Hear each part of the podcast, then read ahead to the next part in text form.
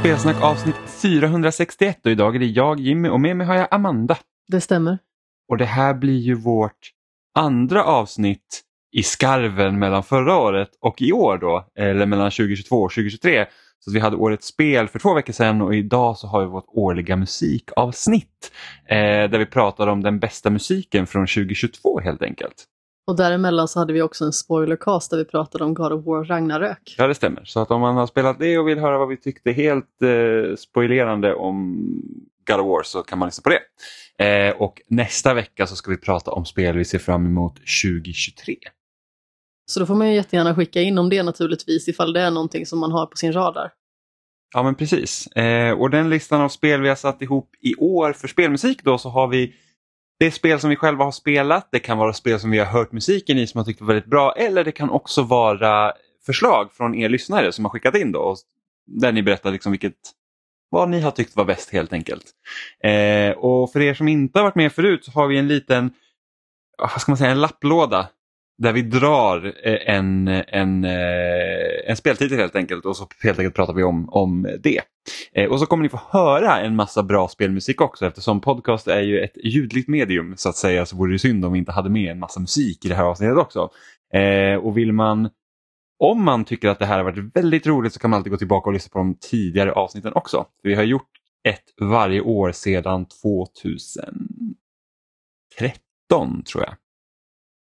Och jag har varit med de senaste fyra, ja. inklusive det här. Eller 2012. Nej, 2013 måste det vara. Så att det finns en hel del eh, spelmusik att lyssna på i varierande kvalitet eftersom vårt ljud också har blivit bättre i podden de åren som har gått.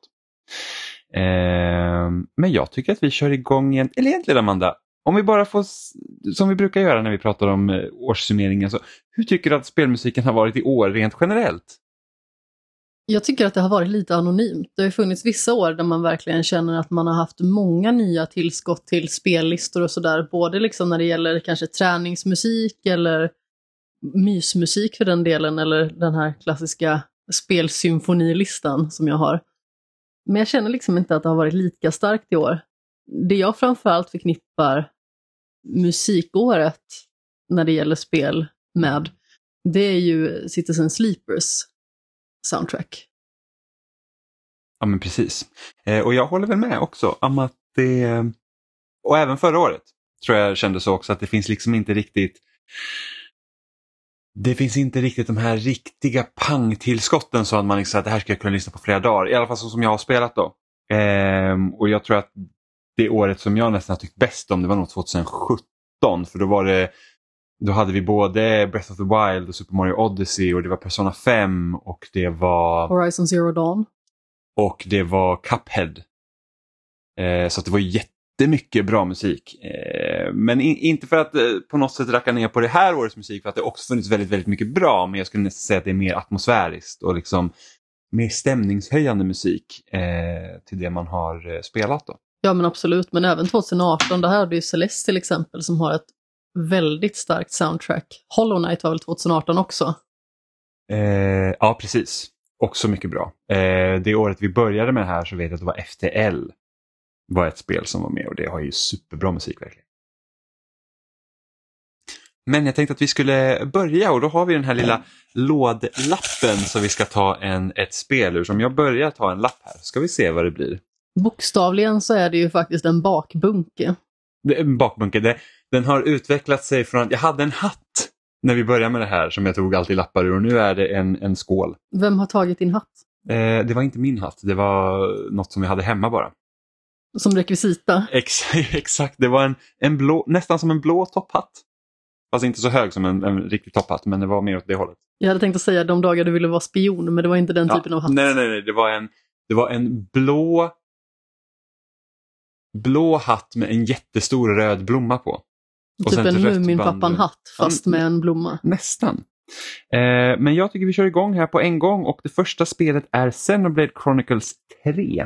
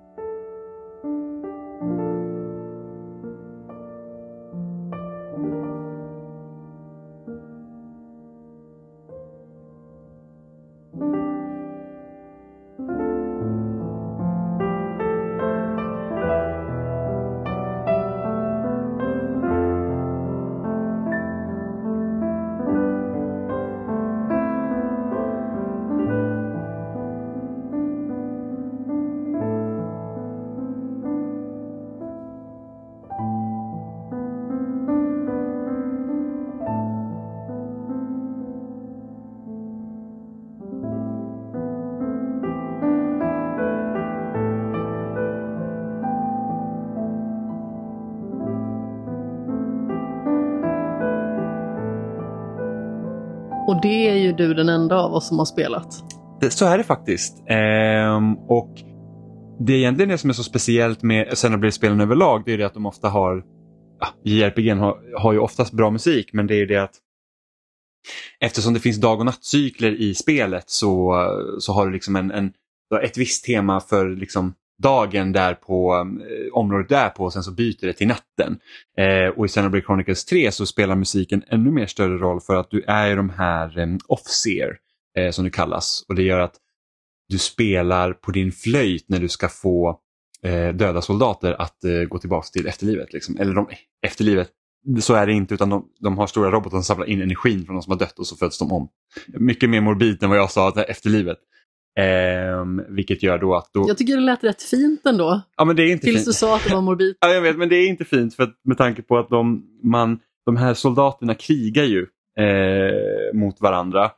Och eh, så för att få liksom energi till sin då, vad kan de, time clock eller något sånt där. Eh, och, och, så att de liksom helt enkelt inte bara förintas och dör. Så att liksom det är som en, en, en eh, cykel eh, som går om och om igen helt enkelt. Men då har man sin lilla flöjt som man spelar.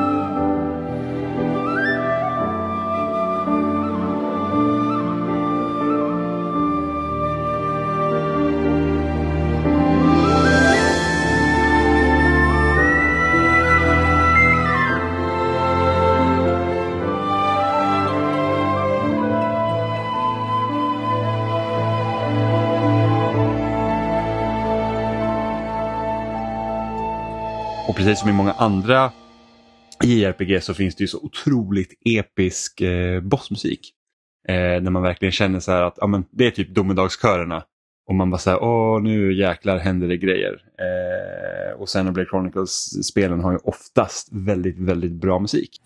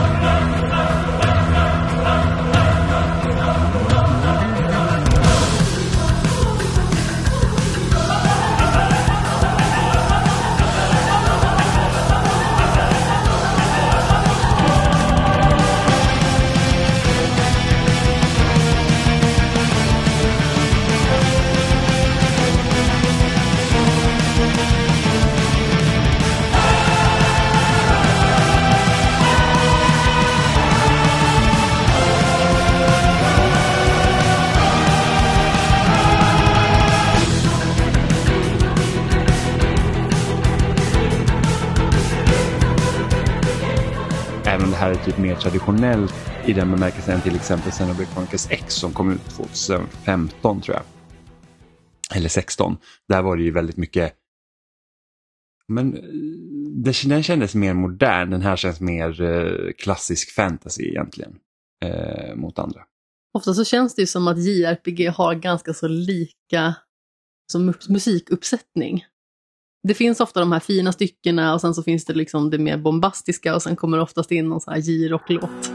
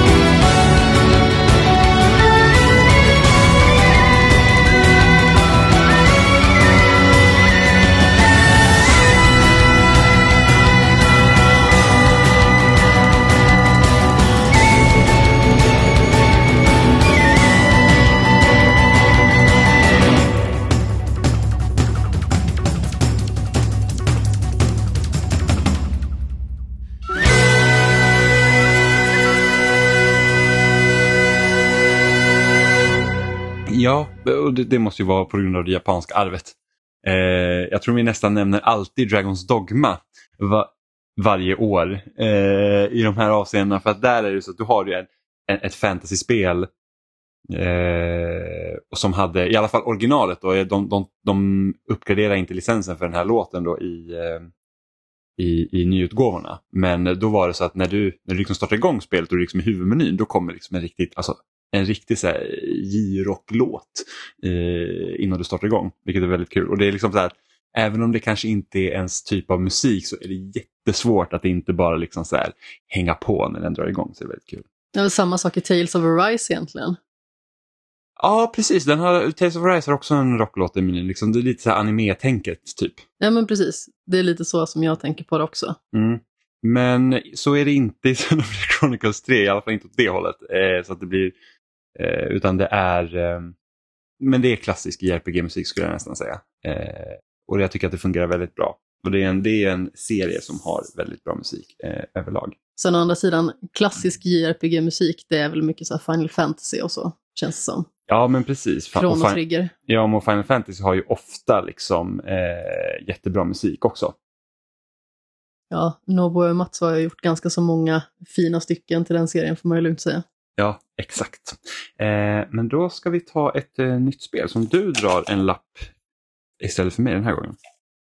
Då säger jag att vi kör på Teenage Mutant Ninja Turtles Shredders,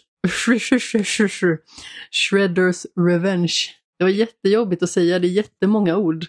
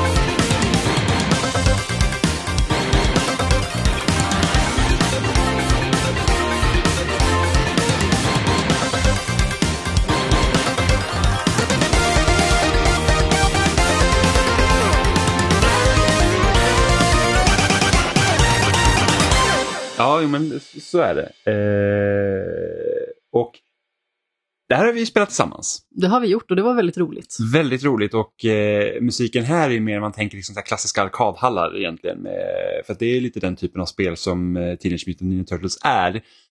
Eftersom det är liksom en, en, en regelrätt beat'em eh, helt enkelt. Ja, ja, men absolut. Man kan ju nästan känna en sån här fantom analog sticka som man sitter och kör med. Alltså rent mentalt.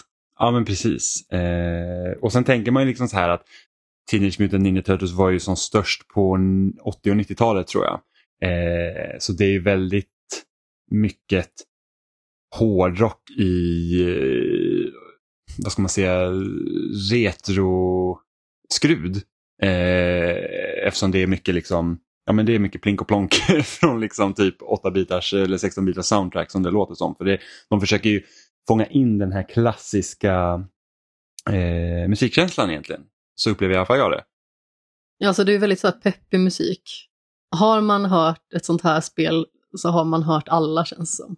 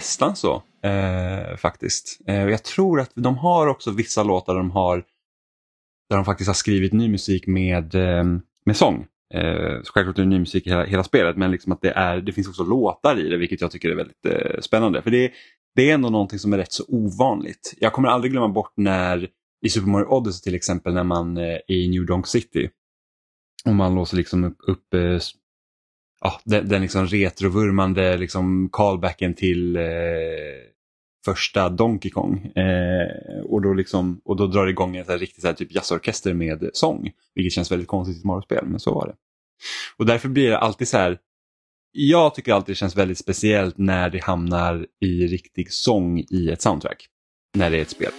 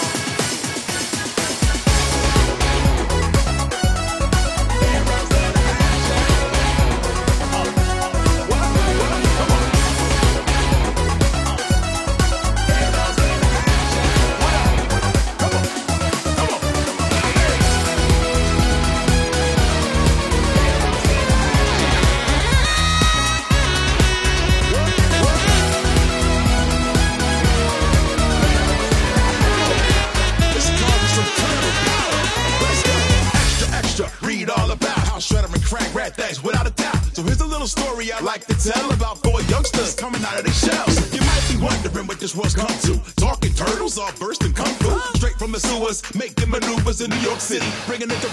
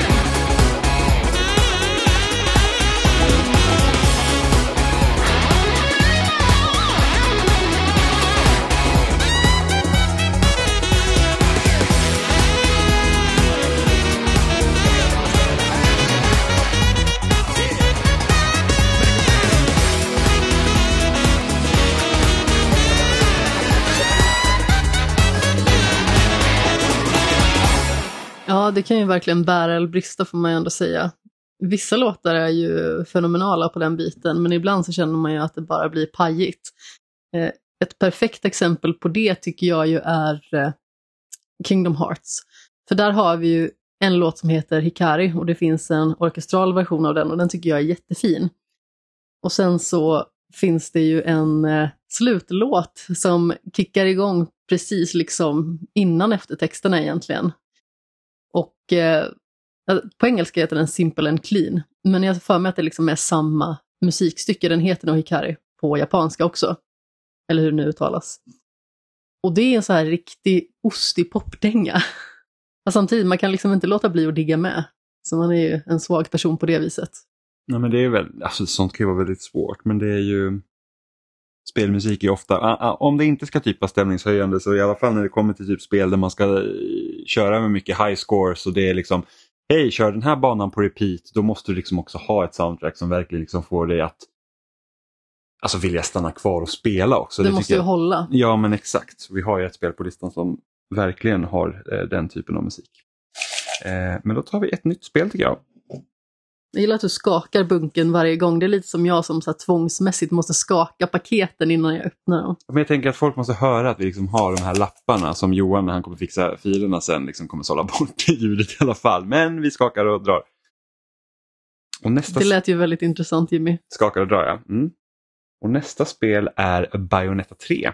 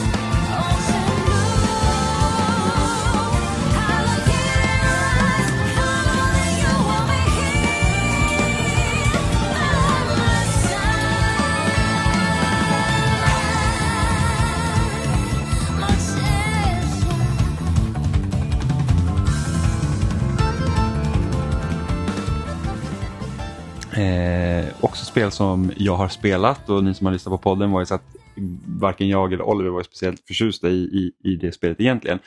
Men något som alltid sticker ut för Bayonetta är egentligen dess musik också som ofta är väldigt jazzig. Eh, eftersom det är det liksom de, de, nästan drar inspiration ifrån och väldigt så här liksom ah, nästan eh, typ lite klassisk musikinslag också.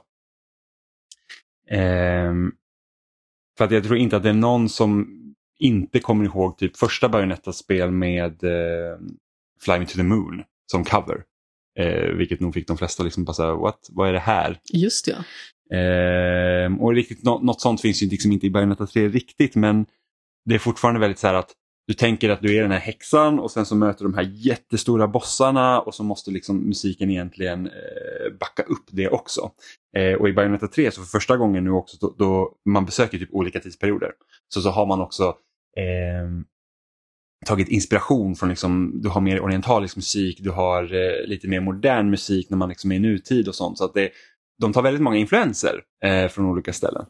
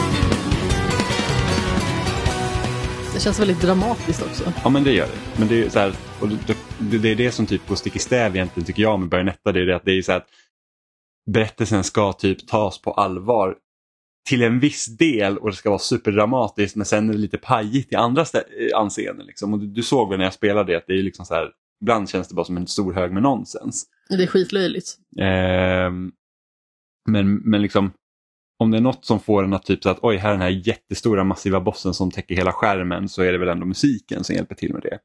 Eh, och första gången i det här spelet också så spelar du en, inte bara som Bajonetta utan du har också en, en till karaktär du får slåss om. Eh, och hon, den karaktären har ju en helt annat sound till sig också snarare än eh, vad Bajonetta har. Så om man tänker att Bajonetta är den här klassiska liksom, societetsdamen så är, är den andra typ punk.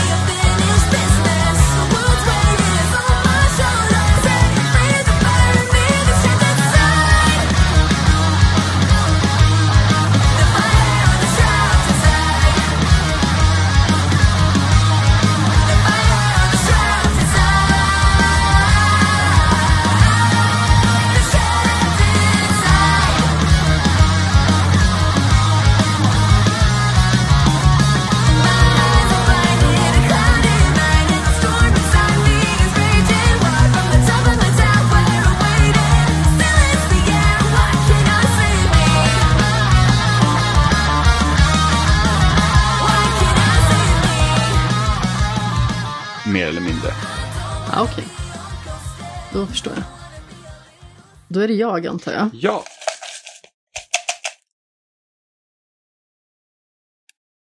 Då säger jag God of War Ragnarök. ja. Det här är ju... Det kan vi väl ändå tror jag hålla med om båda två, att musiken i God of War Ragnarök är väldigt bra. Ja, definitivt.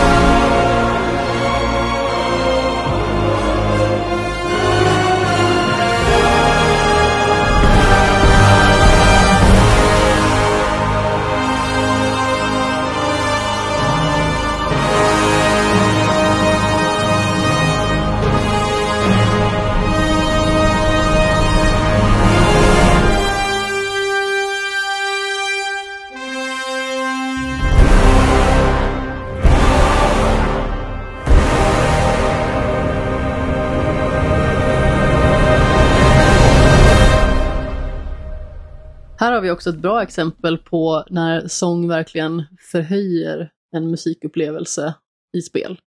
Och det är väl den här slutlåten, visst är det det? Alltså när eftertexterna rullar. Ja, men precis. Den är ju väldigt fin. Och den framfördes också fantastiskt på Game Awards.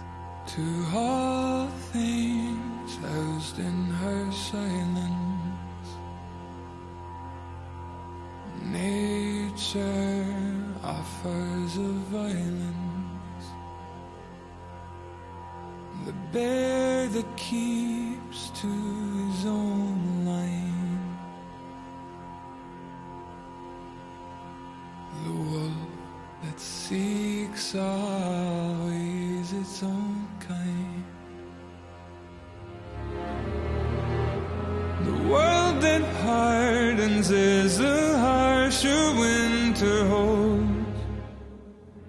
The parent forced to eat its young before it grows. Every bird gone unheard, starving where the ground is froze. The winter sunrise, red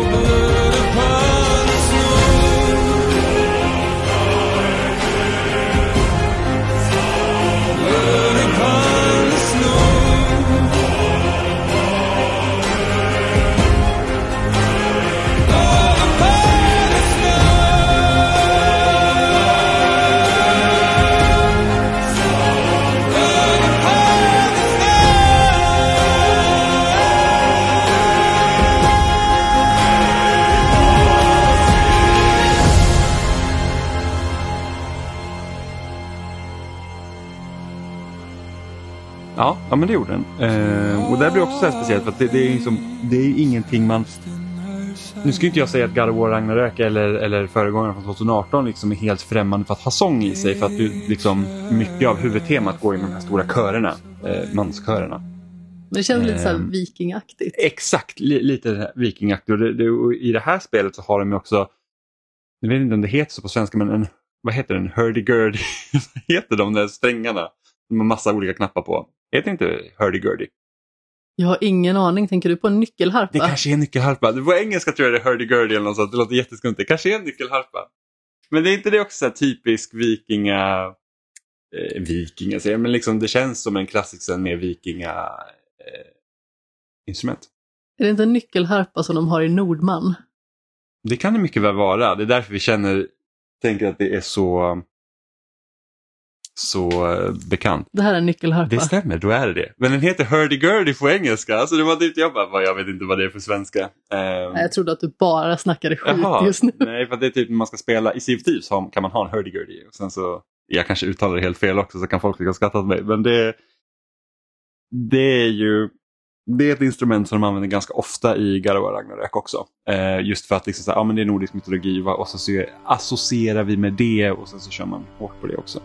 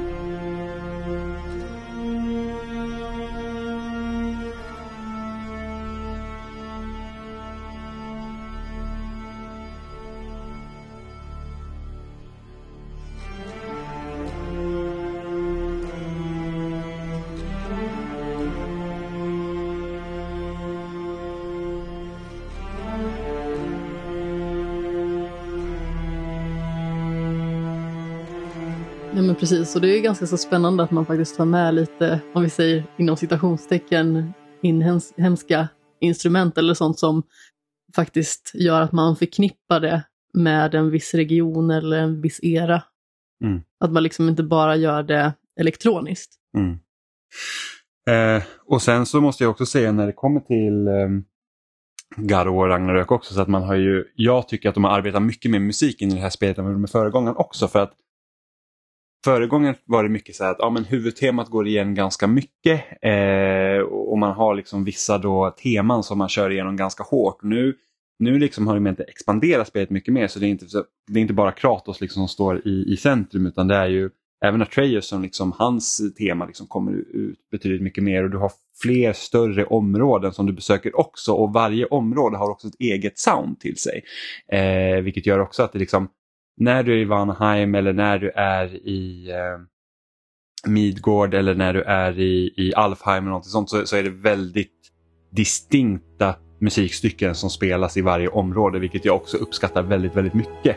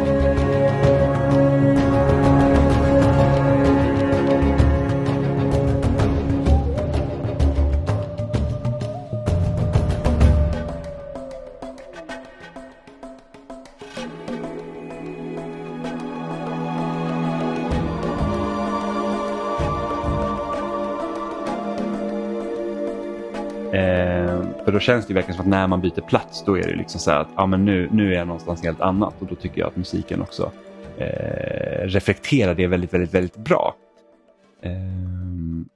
Och det är ju en fördel när det liksom är så tydlig distinktion. För att då gör det ju verkligen att man förknippar olika ställen med någonting väldigt speciellt. Så det tycker jag är väldigt eh, trevligt. Alltså, nu är Kingdom Hearts kanske inget mästerexempel. Kingdom Hearts kommer komma tillbaka till varenda spel nu. Så bara, ja men i Kingdom Hearts. Nej, men till exempel Hollow Bastion, Mm. när man är där. Det är väldigt säregen musik. Eller när man är i eh, den här världen som man kommer till först. Den här staden, vad är det den nu heter? Ja, jag minns inte. Typ Clocktown eller någonting sånt. Är det det? Nej, det är det inte. Jag kan inte komma ihåg vad den heter just nu. Nu Ja. sitter säkert några lyssnare och skriker. Jag får bara upp Palette Town, men det är ju Pokémon. Ja, ja men första staden. Ehm, och det liksom kan man säga att man har olika områden som har olika typer av musik. Det går egentligen igen från typ ja, men klassiska spel egentligen. Typ, alltså Super Mario har ju haft liksom olika musik beroende på vilken värld du är i. Och, och, och tänker man typ eh, äldre Metroidvania som Super Metroid eller Castlevania, så när du går in i olika områden så har du också väldigt distinkt musik beroende på vart du är någonstans. Traverse Town. Traverston, det stämmer. Eh, vilket gör att man liksom känner igen sig och man liksom hamnar i någon form, form av liksom, eh, groove för att liksom, ah, nu går vi här och eh, utforskar istället. Men sen är det också så att tänker man på God of War också som ett, liksom vart berättelsen tar vägen och liksom hur musiken egentligen backar upp berättelsen så är det också liksom att det, det är ett väldigt emotionellt soundtrack också. Alltså när det kommer till både till Kratos tema eller till Atreus tema eller liksom bara när man kommer ihåg Faye till exempel så är det ju väldigt så här att ja men det är liksom, det, den är till där för att den ska stärka de känslorna som de vill få fram. Ja, det är väldigt viktigt att tänka på när man gör den här typen av spel. Eller när man gör något spel där det liksom kan finnas emotionella kopplingar. Tar man liksom Turtles, Ja, då är det ju liksom, då är det pepp som gäller. Det är ju hög energi. Och det avspeglar naturligtvis vad spelet är. mm. Där är det liksom inte något form av känsloladdat ögonblick som man behöver ta i beaktning, utan då är det bara att ladda på hela vägen igenom, egentligen. Men här betyder det någonting större. ja men precis. Eh, men fantastiskt soundtrack i år verkligen. Och det är ju Bear McCreary som har eh, skrivit musiken dit och han är ju liksom eh, verkligen jätte, jättebra på det. Tar vi ett nytt spel. Nu kör vi lite här så ni vet att jag verkligen blandar de här lapparna. Jag tror ändå att du fuskar. Ja, men det får du tro. Och det här är ett spel som faktiskt har kommit eh, som ett förslag från en lyssnare, eh, nämligen bestämt från DJC eh, som brukar skicka in till de här avsnitten. Och det är Ghost Song.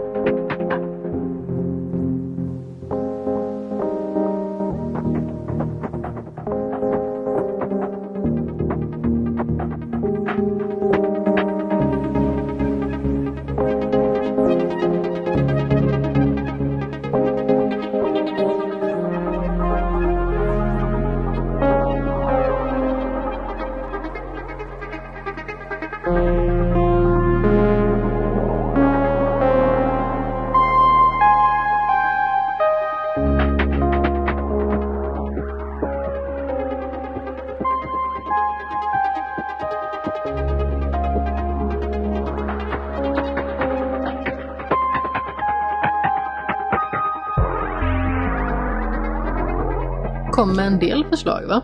kom en eh, massa förslag och vi har med dem alla.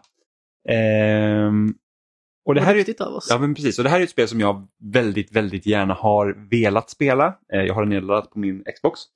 Men det har liksom inte funnits tid till det eftersom det är så mycket som man måste spela hela tiden. Ehm, och så som jag har förstått det, det här spelet är ju ett typ Metroidvania-aktigt spel också eh, i 2D. Ehm, I rymden. eller ja, jag tror det. Ehm, och, och det är liksom, om det då utspelar sig i rymden, vilket jag inte är helt hundra på, så är det liksom, jag fick lite så här Mass Effect 2-vibbar av soundtracket men inte det att det är liksom så här lika bombastiskt som Mass Effect 2 många gånger kan vara utan att det är liksom mer, lite mer lågmält men du har de här lite, ah, vad ska man kalla dem, elektroniska tonerna som liksom sticker ut i soundtracket tycker jag. Ja, men det är ganska så mörka elektroniska toner känns det som. Lite mystiskt. Alltså typiskt rymdaktigt eller vad man ska säga. Ja men precis, utan att det liksom känns helt och hållet för elektroniskt heller. Ehm, för det det var när nå- någonting känns liksom främmande på något Mm. sätt. För det var ju det jag tycker typ Mass Effect har gjort jättebra, det här att man liksom lyckas med de här lite med det här elektroniska och sen så kommer liksom stråkarna in och liksom med det här pampiga och liksom hur de har blandat det och jag, jag fick liksom helt samma vibbar av Ghost Zone. Ja, men alltså det finns ju otroligt mycket i Mass Effect som är sådär superfinstämt och vackert. Och sen så har vi till exempel, jag tror att den låten heter Normandy Reborn. Den är fantastisk verkligen. Vilken energi man får av den låten. Mm. Ja, men verkligen. Nästan som att man själv vill flyga iväg. Ja men precis. Eh, och jag är så här, många gånger när jag kan liksom höra ett soundtrack eller liksom en låt ur ett soundtrack från ett spel så kan jag visa att ah, det där, det, just den här musiken gör att jag vill spela det och jag känner lite så för Ghost Zone. Att jag bara, "Åh, nu måste jag verkligen sätta mig och spela det här någon gång när tid finnes. Eh, säger jag nu som är typ 80 timmar in på min andra genomspelning av Persona 5 Royal. Liksom. Så det, det, ja, men det, det ska man ta tag i. Tycker att vi byter spel. Tack för förslaget. Tack för visat intresse. Ja, precis. Och härnäst så har vi Sonic Frontiers.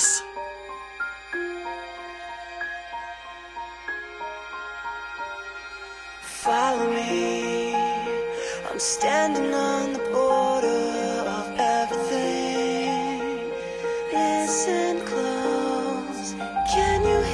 hear the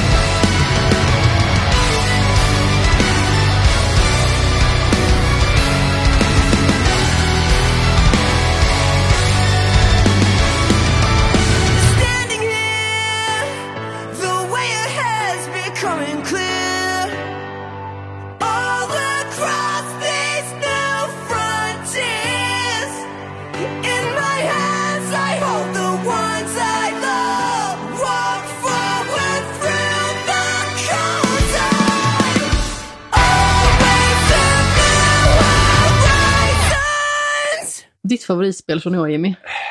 Nej, inte direkt. Jag tycker inte att, men som sagt, jag har sagt det förut. Sonic Frontiers är ett jättebra spel och ett jättedåligt spel, alltid ett. Men det här har nog ett av årets mest fascinerande soundtracks. Eller konstiga också. Ja, men faktiskt. Alltså det är så, så att Sonic, för de som vet, som spelat mycket Sonic, så Sonic har ju alltid väldigt så speciell musik och den är mer åt typ om man liksom jämför Sonic och Mario till exempel så skulle jag säga att Sonic är mer åt lite så elektroniska poppiga hållet än Mario. Mario är mer liksom typ trallvänlig, typ visor nästan ska jag känna det som.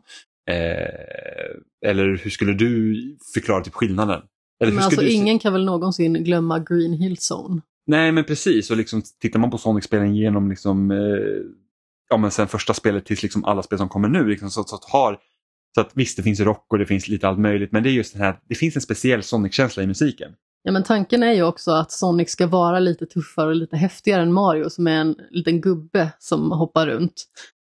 Det är faktiskt helt fascinerande att Super Mario har blivit typ ett av de största varumärkena i tv-spel någonsin med tanke på hur egentligen ful Mario är. Alltså liksom Mario ser... Var snäll mot Mario. Jag vet men det är så här, en, en så lite lönnfet gubbe med jättestor näsa och tjock mustasch. Det är liksom så här att hur blev Mario så stor? Nu, och spel- ändå så är det Mario som jag har porträtterat på min kropp och inte Sonic. Ja men precis. Vad säger det? Ja men så här, Mario Ma- är vacker Jimmy. Mario har också Mario har också haft konsekvent bra spel sen det kom medan Sonic har en jäkla massa skit. Därav en del av Sonic Frontiers också skit. Jag ska säga att det är Tanuki Mario från Super, Bro- Super Mario Bros 3 också, så Nej, det är liksom nej, inte nej, precis någon form av nej, nu pinup-version ser vi liksom Mario, står där med så här jättebrett bröst och helt hårigt och så, bara, och så har han en liten egen tatuering på sig. Det står så här hjärta och så mam på där. Det är vad du har. Ja, inte Peach då. Nej. Nej, nej, nej. Nej, det är en tatuering någon annanstans där det är bara en persika Ja, men på precis. skinkan. Precis, en persika på skinkan. Eh, men Sonic Frontiers är ju också första Sonic-spelet som är helt open world.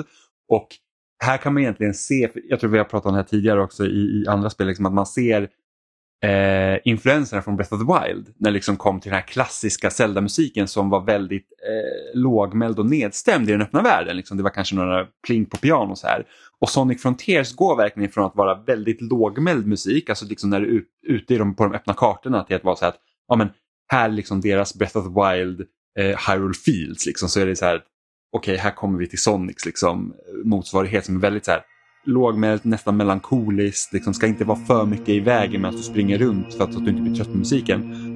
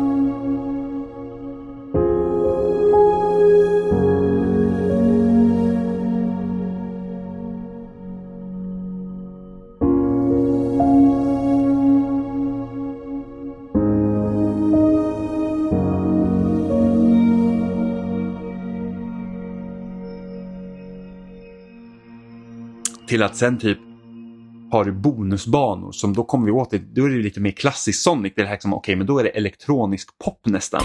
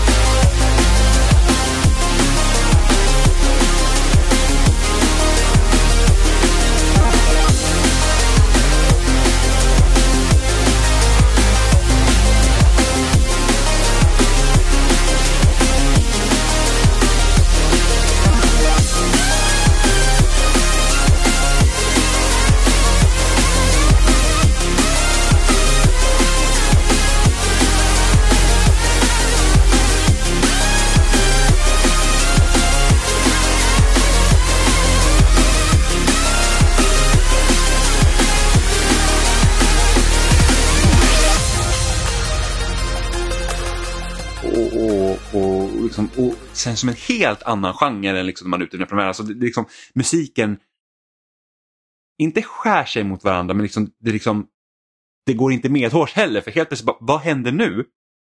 Och sen har man de här jättestora eh, bossarna, så här, titanerna som man möter också som liknar någonting från Shadow of the Colossus. Och då är det så här superdramatisk musik, det är nästan liksom att okej okay, nu händer det grejer.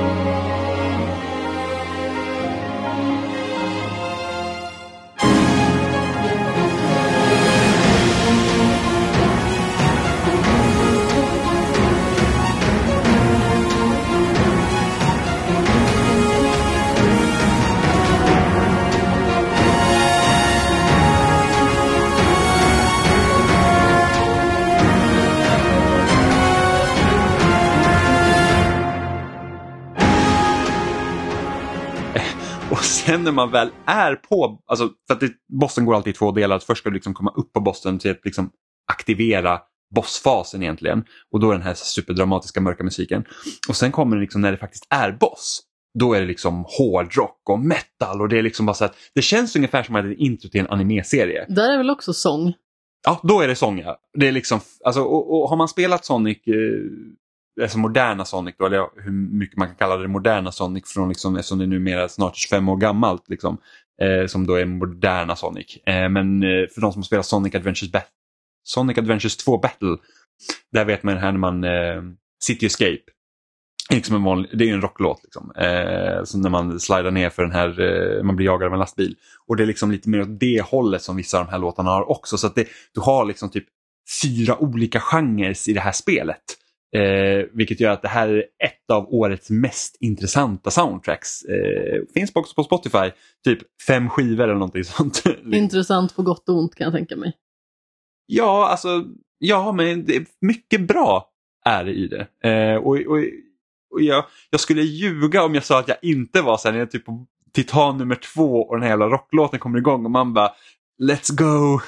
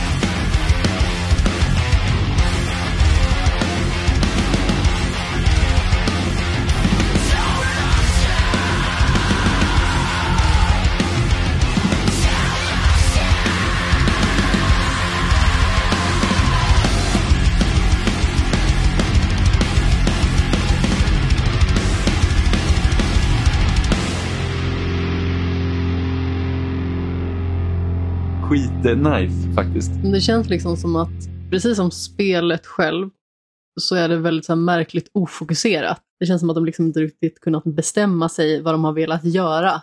Nej, och då har man gjort allt.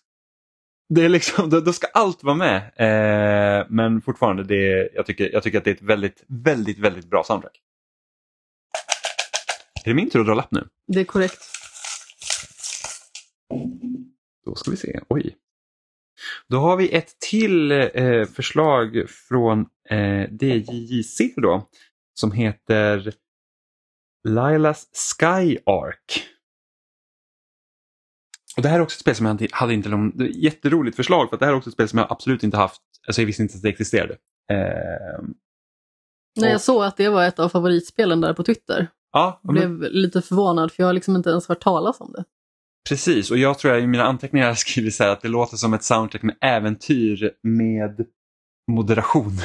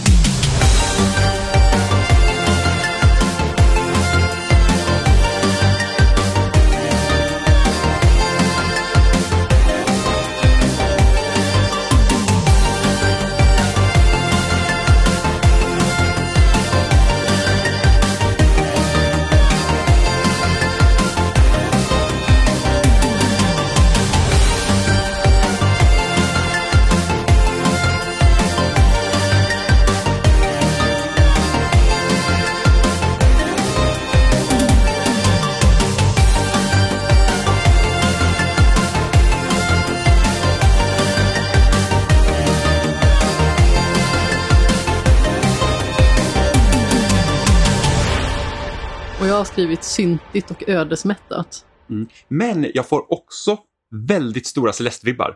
Så att jag behövde till och med kolla upp så här att är det Lena Rain som har gjort soundtracket till det här spelet? Det var det inte. Men jag tycker att det, jag får nästan liksom lite så här. Jag tycker det låter väldigt mycket som Celeste emellanåt. Ja, kanske. Det Inte känns på, ju inte på all lika- musik, men på viss. Och det är liksom, och Celeste soundtrack, det som gör det så mycket speciellt är också att det känns som att hela låten liksom berättar en historia. Vilket jag inte får samma vibbar härifrån. Men jag tycker fortfarande liksom att det är åt det hållet kvalitetsmässigt. Sen kanske det blir tydligare när man väl sitter och spelar. Om du berättar en historia eller inte. För att då kanske man faktiskt får med sig den biten. Ta Celeste till exempel. Hade vi verkligen känt lika tydligt i den här låten Anxiety till exempel, eller för den delen eh, den här Confronting Myself, hade vi känt lika tydligt hur liksom slagfärdigt och kraftfullt det är om vi inte hade spelat spelet. Det är omöjligt att svara på. Precis, så det finns ju den faktorn också, liksom, att vi inte spelat spelet. Och eh, det gör ju förmodligen att eh, vi kanske inte helt och hållet gör eh, det rättvisa heller. Sen kan det ju vara bra musik oavsett, och det är det ju. Ja, då är det dags för nästa spel. Splatoon 3.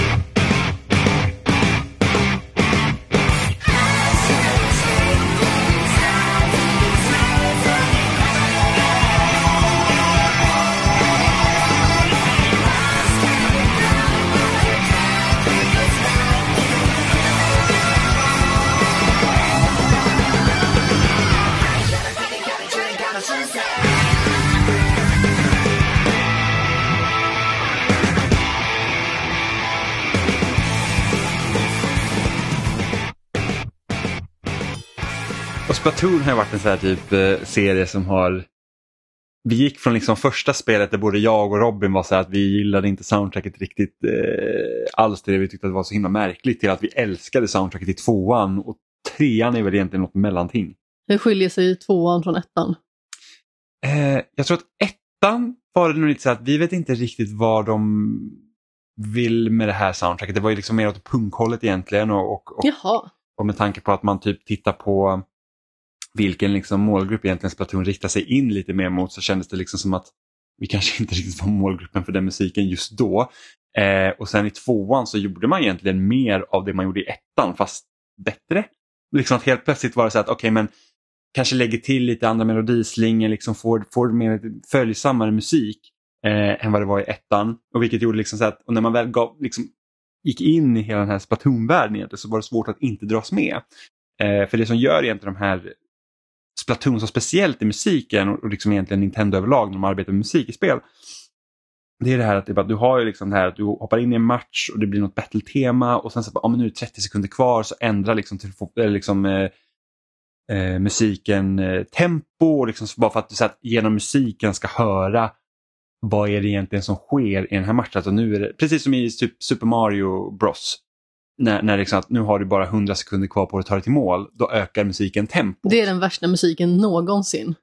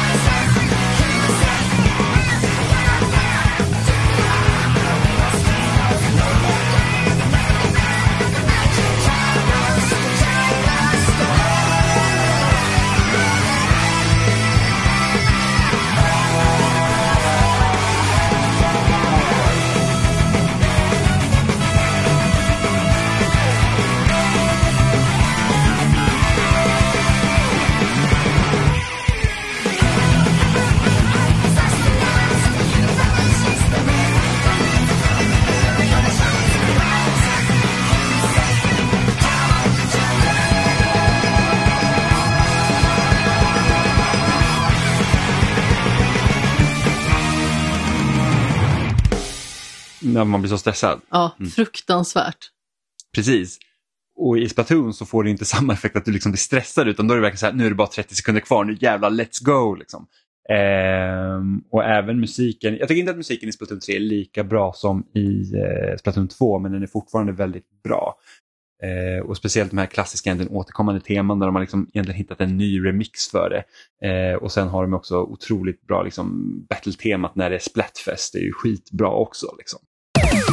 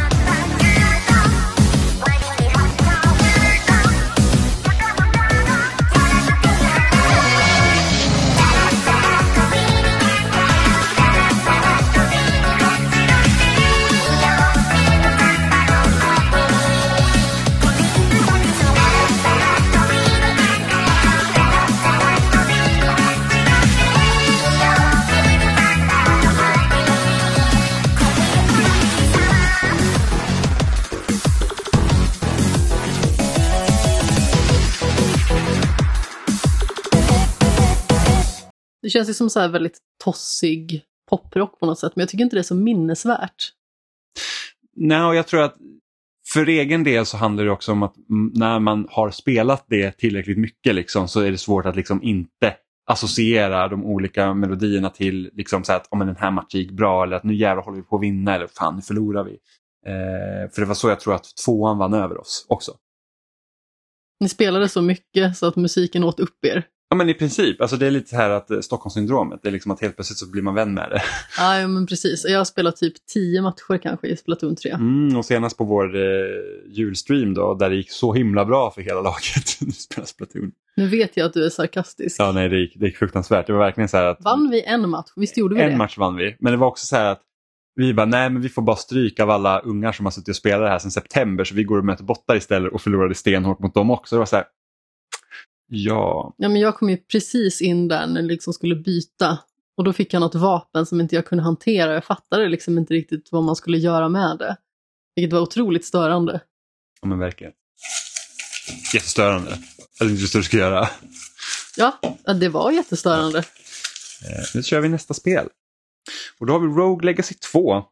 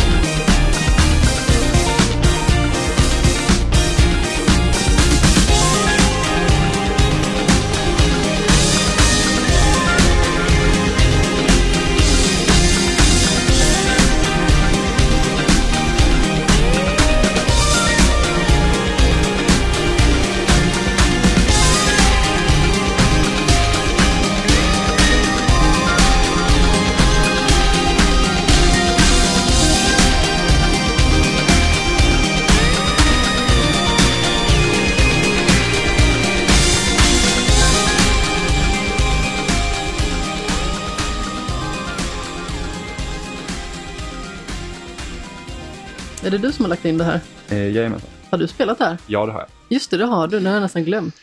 Eh, inte spelat så väldigt mycket av det och jag hade först inte med det från början men eh, sen lyssnade jag lite på soundtracket för att jag försökte också hitta liksom för att dryga ut listan egentligen. Ehm, och Rogue Legacy 2 skulle jag nästan säga att det påminner mer om Castlevania än något annat och då är liksom inte eh, tidiga Castlevania-spel utan då tänker jag mest från, från typ Playstation och, och DS-eran. Liksom.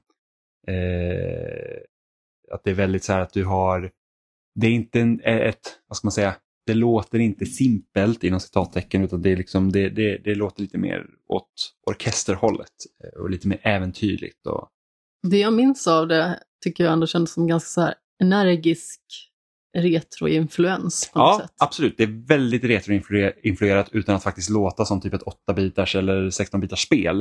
Eh, och då hamnar det mer liksom kanske om Playstation-eran av spelen.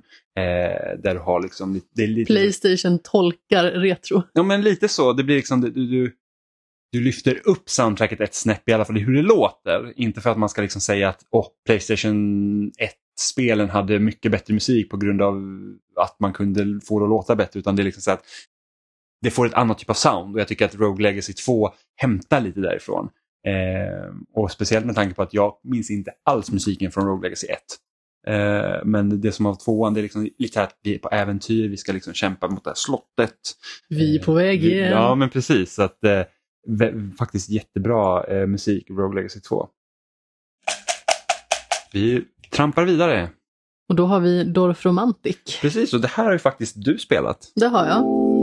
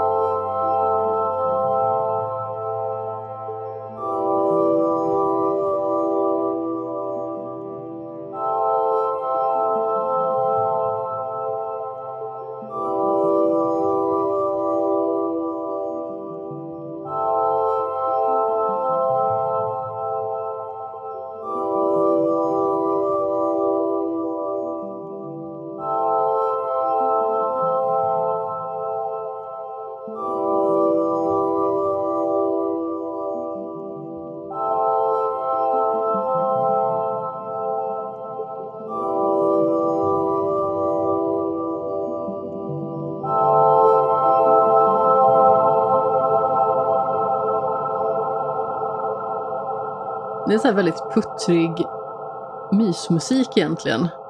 Det känns som så här ambiens från landsbygden. Det är ju ett litet pusselspel där man placerar ut små hexagoner som har olika typer av funktion. Det kan vara järnvägar på, det kan vara skog, det kan vara vattendrag och sen så försöker man pussla ihop det här så fiffigt som möjligt. Och eh, just den här väldigt mysiga musiken gör att det blir en ganska så meditativ känsla hela vägen igenom. Man sitter och placerar ut sina små rutor väldigt strategiskt, ser till att vattendrag möter vattendrag så gott som det går och att man liksom får ihop fler hus på en och samma ruta eller i en och samma områdeskrets. Sådär. Så jag känner liksom att det var ett väldigt härligt och passande soundtrack till det spelet. För att det är liksom inte ett sånt spel som man kanske djupdyker i på det sättet med system och liknande. Utan det är ändå ett ganska så perfekt mellanspel eller avkopplingsspel. Ett sånt spel som man kanske tar när man går på bandet eller när man kanske vill spela någonting men man vill samtidigt kolla på en serie. Eller när man lägger sig i sängen på kvällen. Soundtracket påminner mig mest om de här YouTube-playlisten med lo-fi study beats. Ja men precis, det passar ju in väldigt väl där. Ja, och det är liksom så här att det och det är eftersom Dorf Romantic är också ett sånt spel som är kanske lite åt det lugnare hållet. Då kanske man inte heller vill ha ett spel där liksom musiken typ blästar ut utan man, man, man känner att man behöver få någon form av sinnesro. Eh, ungefär som när man pl- liksom sitter och studerar Ja, och vill ha precis. lite lo-fi study beats. Musiken är ju ändå ganska så anonym, men den passar för det här spelet och fyller ändå ett syfte när man tar sig an den här upplevelsen. Men det är liksom ingenting som man går och nynnar på direkt eller sitter och lyssnar på på Spotify. Nej, kanske inte. Om man inte ska studera då, då hade det passat utmärkt. Kanske studera tyska. Ja, men kanske. Och då har vi faktiskt ett annat spel som går egentligen helt och hållet tvärt emot då Dorf Romantic och det är faktiskt Vampire Survivors som både du och jag sitter och spelar väldigt friskt just nu.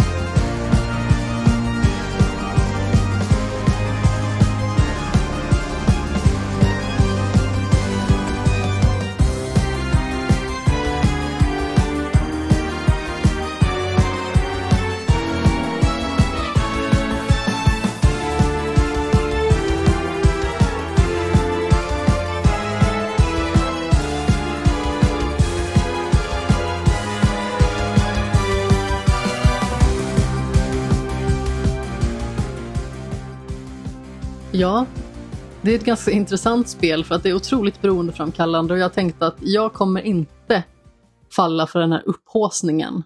Men jag tycker att det är jätteroligt och naturligtvis så är det ju olagligt fult egentligen. Men man har liksom vant sig vid det. Nu tycker man ju att det är rätt mysigt att vandra runt i den här världen på något sätt. Mm. Men eh, det är ett jäkla galet spel och i mina anteckningar så står det disco för vampyrer och smygorgel. Ja, men det, det är liksom också, det här ska jag också säga att är känns också lite inspirerat av Castlevania. Ja men Eh, precis, fast med den här lilla discobiten. Det känns liksom väldigt peppigt och friskt på något sätt. Det känns som att man skulle kunna slå på det i bakgrunden på en fest och ingen skulle tycka att det var något konstigt med det. Nej, och också det här med att det här är alltså där en, ska du liksom klara en bana så tar det 30 minuter eh, för dig att liksom köra, köra den igenom. Ehm, och då måste du också ha ett soundtrack där du inte, du får inte bli för trött på musiken. och då är det så att då kanske du har en melodislinga som kanske är en, en och en halv minut lång och så ska den liksom hålla på i, i 30 minuter istället utan att du känner bara så att jag vill inte höra det här en enda sekund mera. Men liksom, det händer så mycket på skärmen och musiken är nästan, på, det blir som ett bakgrundsbrus bara som håller, det, liksom, håller ditt in, liksom, uppmärksamhet uppe för att du ska liksom kunna döda typ, de tu, tiotusentals fienderna som är på skärmen.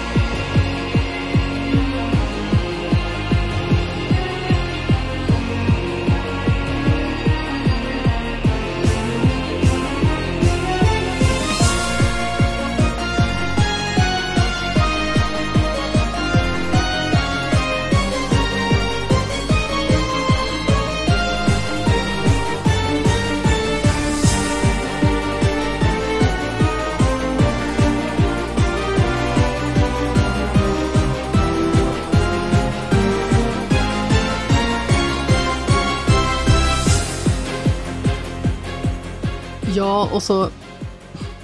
Det måste ju liksom vara ett musikstycke som fungerar utan att man liksom känner att det, det distraherar också. För det är liksom inte så jättebra musik så att man känner att man sitter och nynnar eller diggar med. Eller I alla fall inte gör, gör inte jag det. Men det är tillräckligt bra för att man liksom inte ska känna att man blir förbannad. Man hade ju liksom inte velat ha någon form av evighetsversion av den här låten från Dragon Quest 11. Precis det jag tänkte på också nej, nej, precis. Utan det måste liksom, på något sätt måste man ju ändå tycka om det man hör. Annars kan man ju stänga av musiken, givetvis. Ehm, och här har ju också, i Vampire Survivors finns det ju liksom, det är en ny låt för, dem, för varje bana som finns. Då, så det är inte Precis. bara ena banan. Vad är det, fem områden eller är det fler? Ingen, det kan till och med vara flera. Det inte. är säkert fler. Det är de som jag liksom tror att jag har sett. Mm, jag, har inte kommit, jag har inte kommit tillräckligt långt för att se exakt allt vad spelet har att erbjuda. Men, Men, precis innan vi spelar in så klarar du ju faktiskt din första 30 minuter. Ja, men precis. Det, gjorde det? jag. Det kändes väldigt bra. Man kände sig väldigt mäktig där när jag typ hade... När det, min karaktär sköt, öt, sköt, öt, sköt ut så mycket skott att jag knappt kunde se vart eh, han var någonstans. Det var så här bara, jag vet inte vart jag är men eh, det ser ut som att mittenpunkten är här och alla fiender de bara smälter runt omkring mig. Så det är väldigt tillfredsställande. När man börjar närma sig 30 minuters gränsen så är det ingenting för epileptiker. Nej, nej exakt. Alltså det är liksom, ja, det, det är mycket för hjärnan att ta in måste jag säga. Men musiken kan säkert epileptiker uppskatta. Ja, men det kan man säkert göra. Alltså man får stänga av tvn och bara blästa ljudet då. kör vi nästa spel. Horizon Forbidden West. Oj, oj, oj, så passande. Att du tog den lappen.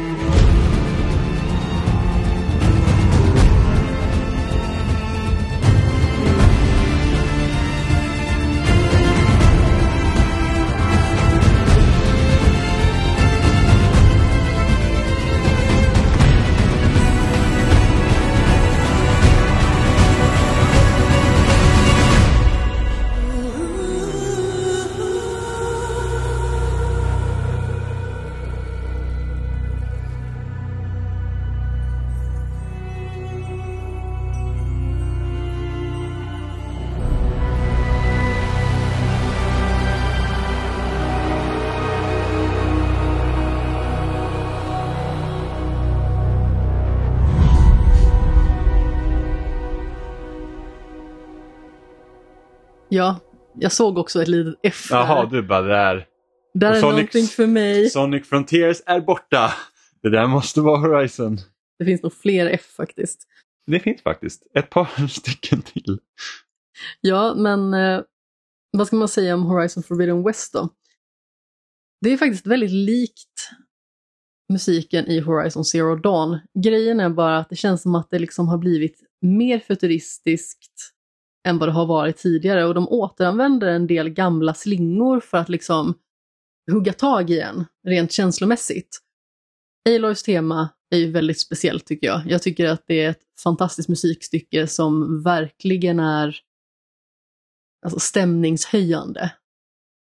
Sen så är det ju liksom så att det här spelet går ju liksom lite mer åt det futuristiska också med tanke på var berättelsen tar sig för någonstans.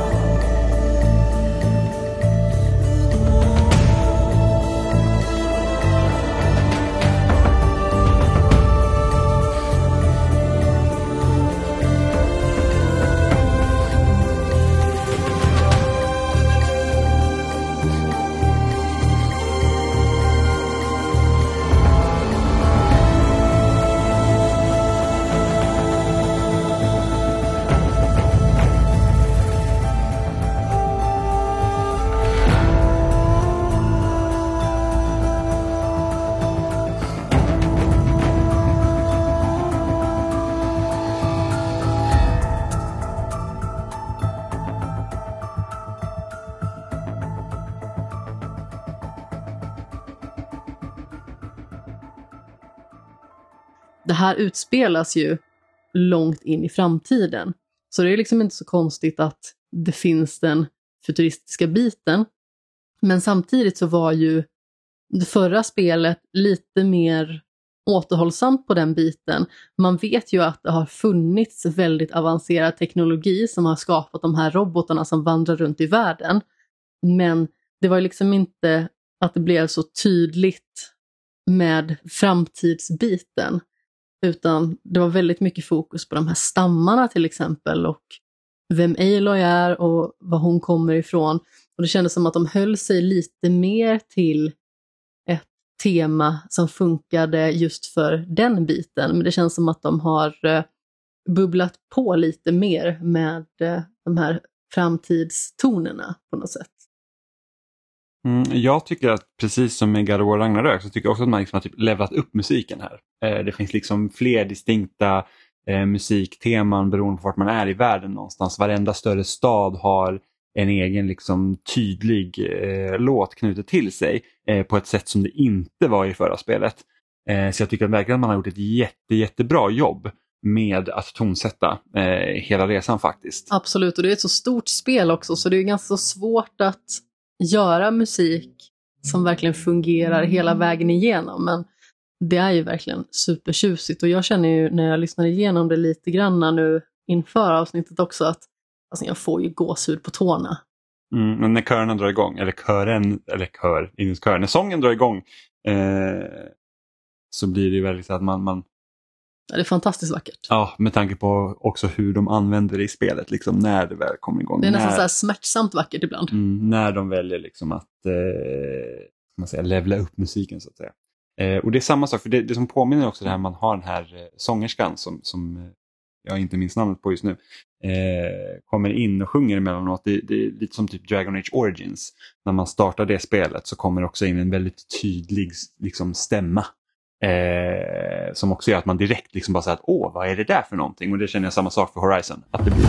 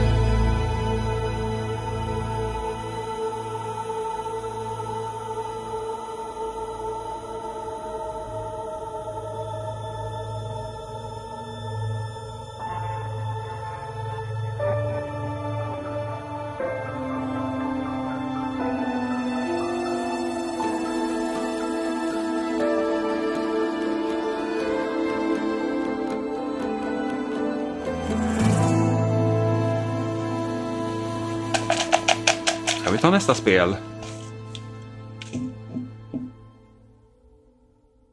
Det här är ett spel som jag har spelat och det är Norco. Ja, och det här är ett spel som jag har köpt och laddat ner men inte påbörjat. Ja, och Norco har ju ett väldigt här, speciellt soundtrack. För det är inte något jag skulle liksom säga att åh gud vad bra det är. Ehm, men liksom spelet i sig självt är så underligt och så mörkt i många gånger att jag tycker att de liksom tonerna som man sätter till det här spelet fungerar väldigt bra. Det är väldigt mycket liksom elgitarr och det är liksom nästan så här dovt brummande många gånger. Det känns liksom tungt och mörkt.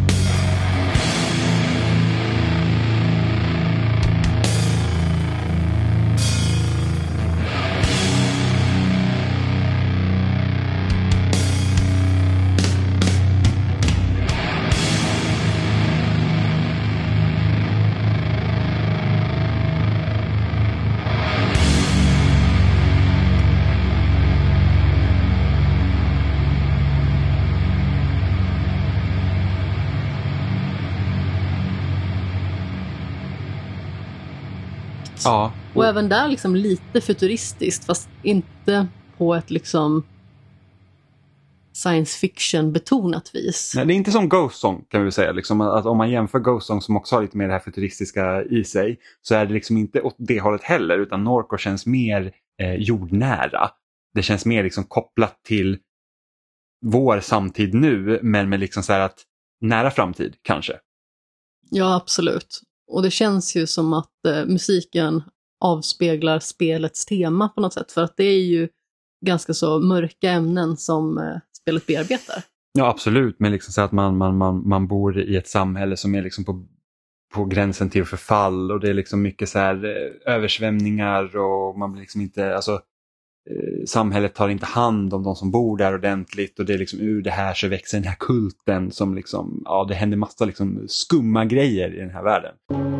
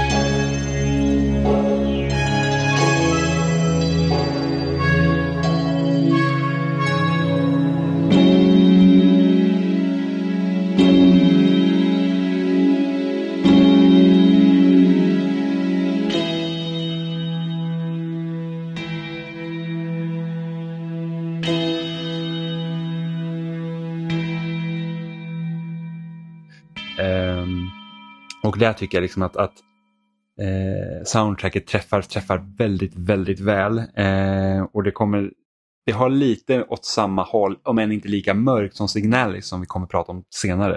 Eh, men det är liksom lite åt det hållet också. Ja, det är inte läskigt. Nej, det är, utan nej. det är bara mörkt. Det känns liksom tungt när man lyssnar på det. Det känns liksom som att det har lagt sig två stycken stora stenar på ens axlar liksom, och de får man inte bort själv. Exakt, mycket bra förklarat. Nu är det jag. Nu var det du. Mario plus Rabbids Sparks of Hope. Yes, jag har äntligen lyckats skriva titeln rätt för jag skriver alltid A Spark of Hope. Av någon anledning, jag vet inte varför. Nej, men alltså, det är ju en klurig titel va? Den är ju lång och komplicerad. Ja, och inte som den borde vara. Nej, och jag vill ju alltid sätta ett kolon. Men det finns inte. Nej, precis. Men det hör inte till saken egentligen. Nej, det gör det inte. Ehm, och, och Det som är så intressant egentligen med Mario plus Rabbids är det att förra spelet hade också väldigt bra musik för det är ehm, nu ska vi se, jag tror det är Kirk eh, någonting, någonting. Jag minns inte exakt vad hans efternamn är men han, det är även han som har gjort eh, musiken till, till Donkey Kong Country och lite sånt. Kirk, om du hör det här, bra jobbat. Ja, men precis. Jag, jag, jag har haft så mycket att göra så jag har liksom inte hunnit skriva upp alla kompositörer. Ehm, men, men där förra spelet liksom tog väldigt mycket av de här typ klassiska Mario-temana och sen så gjorde man om dem för att passa det här universumet så det känns som att det är mer eh, originalmusik i det här spelet. Liksom att det står väldigt mycket på sina egna ben. Ja, och det är väldigt lekfull musik. Även att det liksom inte är Mario-aktigt.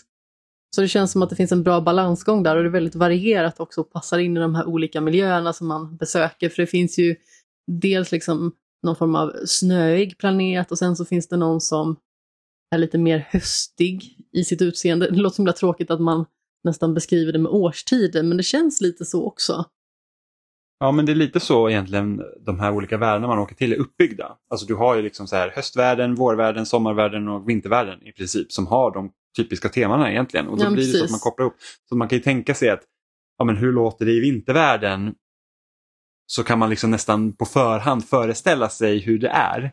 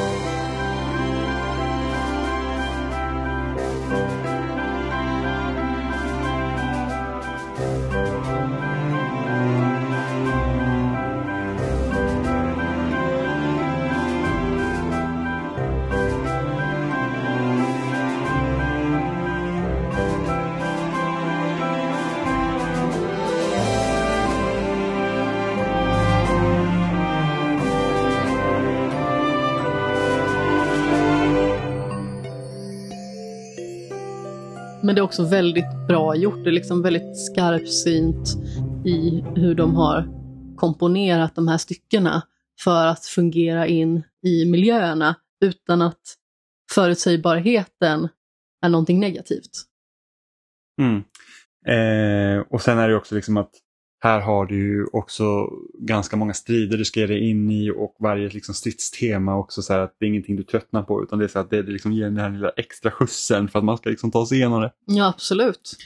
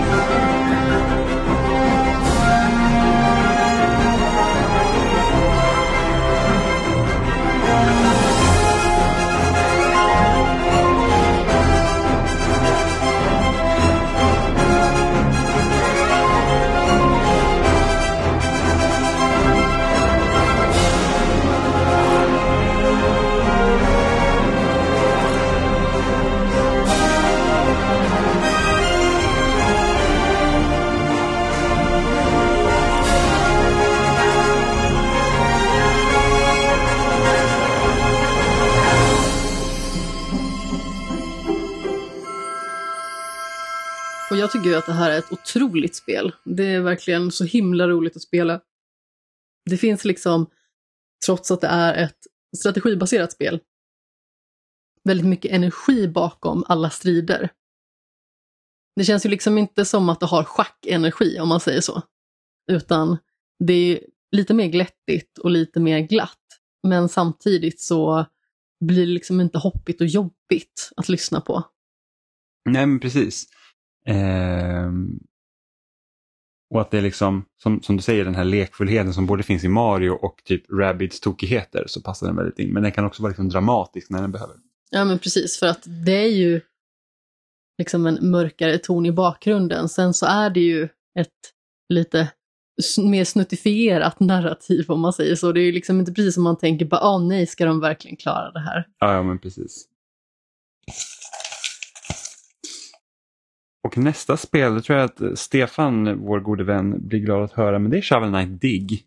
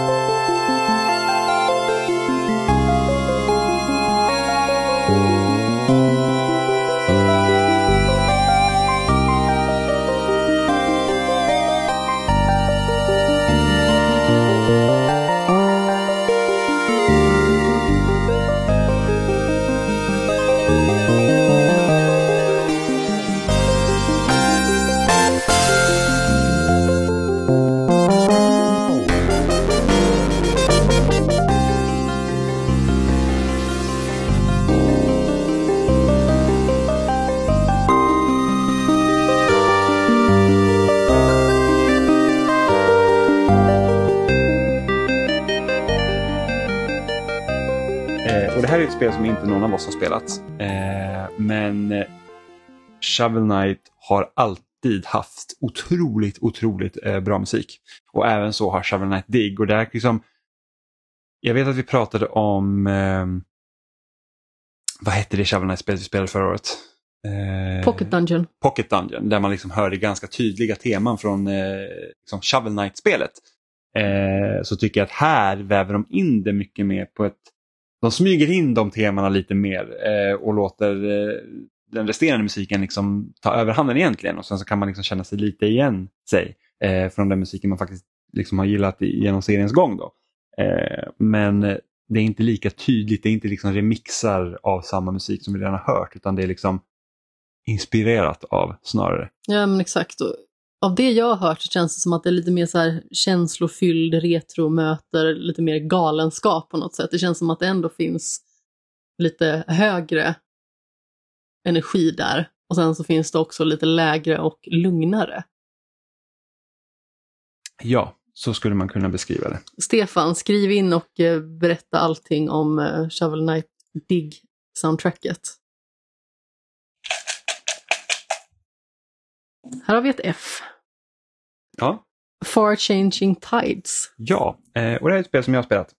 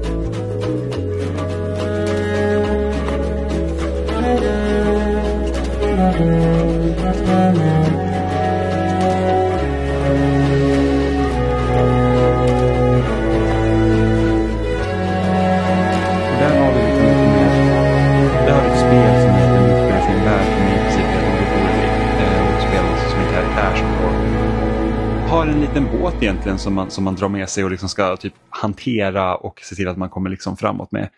Eh, och man liksom besöker en förfallen värld. Eh, uh, och man nästan liksom, jag skulle nästan säga att soundtracket är lite åt americana-inspirerade hållet. Eh, lite, lite The Last of Us fast inte lika ledsamt. Nej, men det känns lite så här äventyrligt och lite plonkigt. Ja, men precis. Det blandar de tonerna väldigt väl med lite mer mörkare eh, musik också. Som Eh, också passar temat. Exakt. Eh, för du har liksom, så att det är inte bara tråkigt liksom, och, och misär när man åker runt den här båten utan det är, liksom, det är lite pysslande för att hålla igång den här båten. Eh, samtidigt som samtidigt som man liksom ser egentligen ruiner eh, och försöker ta sig framåt. Så att det, är, det är ett väldigt speciellt soundtrack faktiskt.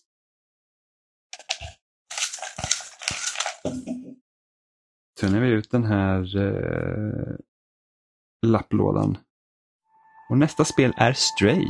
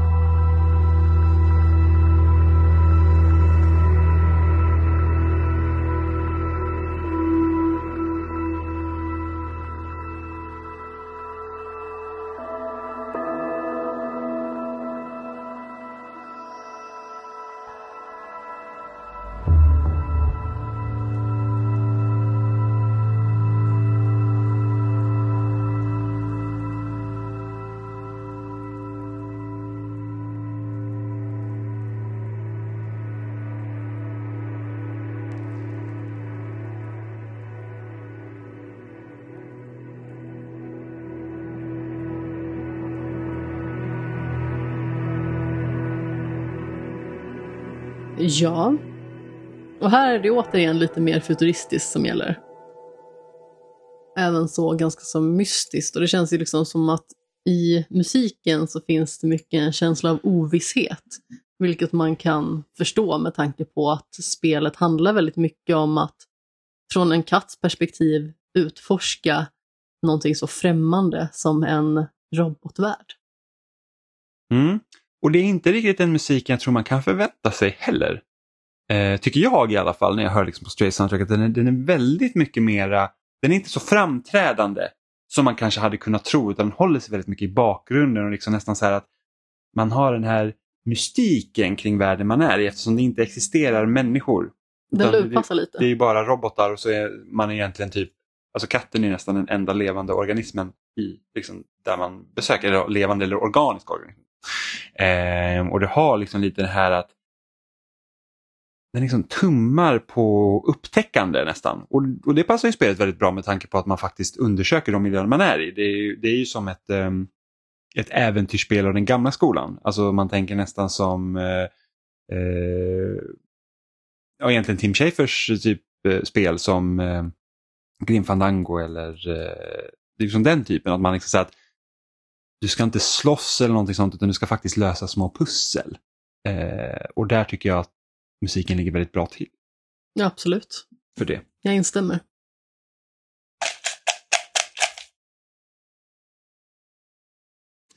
Och här har vi Metal Hellsinger och då är det synd att Oliver inte är med för han är den enda av oss som har spelat det.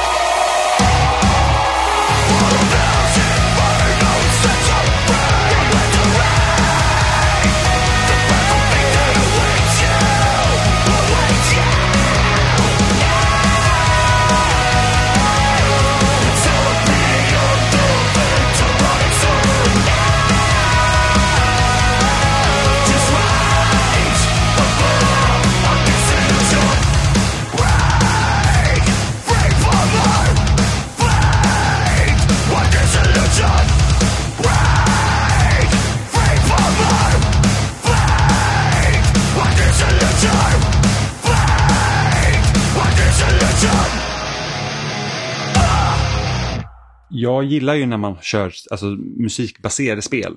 Eh, så till exempel, vi har ju spelat ehm, Gud, vad heter det nu då? Hyrule eh, någonting någonting. Eh, Cadence of Hyrule. Cadence of Hyrule, tack. Eh, som baseras på Crypt of the Necrodancer. Crypt of the Necrodancer, ja. Där man liksom spelar till eh, tempot i musiken. Och så är det även i Metal Hellsinger, fast det här är ju liksom metal. Det är inte liksom eh, retrovurmande plink och plonk musik utan det är ju verkligen så här att det, det är elgitarrer och det öser på, det är growlande och det är liksom, ja det, det är liksom, det är väldigt mäktigt egentligen. Ja, och i Crypt of the Necrodancer och Cadence of Hyrule så är det ju mycket mer den typen av spel att du rör dig till musiken och du utför olika typer av aktioner till musiken. Men när det gäller Metal Hellsinger har jag förstått det som att ju bättre det blir på spelet desto mer av musiken får du också höra. Vilket gör att när du liksom är på topp då får du liksom den fullskaliga upplevelsen egentligen. Precis, så, så det man gör i Metal Helsing är att du, alltså, du, du rör dig inte i takt med musiken men alla actions du gör gör du i takt med musiken. Så du skjuter, du laddar om, du använder liksom dina, ja, din arsenal egentligen i takt med musiken. Och håller du biten så får du bara höra mer och mer av musiken så att den, man kan säga att musiken sväller. Ehm, och på det sättet skulle jag säga att det är väldigt, det känns lite så att det den filosofin känns lite som att den kommer typ från så här Devil May Cry. Eh, där också så att ju bättre du spelar Devil May Cry, ju högre kombo du får, ju bättre blir musiken till det. Eh, och där tror jag man tagit väldigt mycket inspiration från Metal Helsinger också. Eh, och det roliga med Metal Helsinger är att man har fått liksom de här eh, Alltså det är ju de här liksom kända metalbanden som har liksom varit med och gjort musiken, alltså skrivit eh, originalmusik till det som också är ett svenskutvecklat spel, vilket är väldigt kul. Eh, så det är väl, jag tror sångaren från In Flames och, och lite så som är med. Och det är ju väldigt kul på ett konceptuellt plan också. Ja, och det här är ett spel som jag önskar att jag hade spelat, spelat mer av. Jag fick ju testa lite på det när vi streamade men det, det är liksom, jag har inte hunnit liksom sätta mig in i det. Men vi fick ju se Oliver spela och det är jäkligt maffigt när, när liksom man hör hela den här låten och liksom man bara så åh ah, gud och så tänk när man själv liksom sitter och spelar och bara liksom träffar bit på bit på bit. Eh, det blir nästan som när man typ spelar Rockman eller Guitar Hero och liksom man, man hänger med i låten och liksom hör inte och liksom det går så jäkla bra och sen råkar man missa en not och så bara, du vet, man hör att det blir fel. Eh, och jag kan tänka mig att det är samma sak här, liksom, när man bara skjuter du verkligen i det hela. Så bara, och låten bara spelas som den ska. Eh, det, måste ju, det är jävligt maffigt. Ja, jag tror att jag var ute med valpen och eller hämtade pizza när det här segmentet var. Så jag missade ju liksom det. Eller så lagade jag kanske mat för den delen under våran stream alltså. Mm. Ehm, Så jag har ju liksom inte sett det direkt, utan jag har ju hört låtar från det. Och eh, den här låten som vi har med liksom nu, som kommer spelas alldeles strax förmodligen, där det är en kvinna som sjunger, den är ju jäkligt stark faktiskt. Jag tycker att den är skitbra.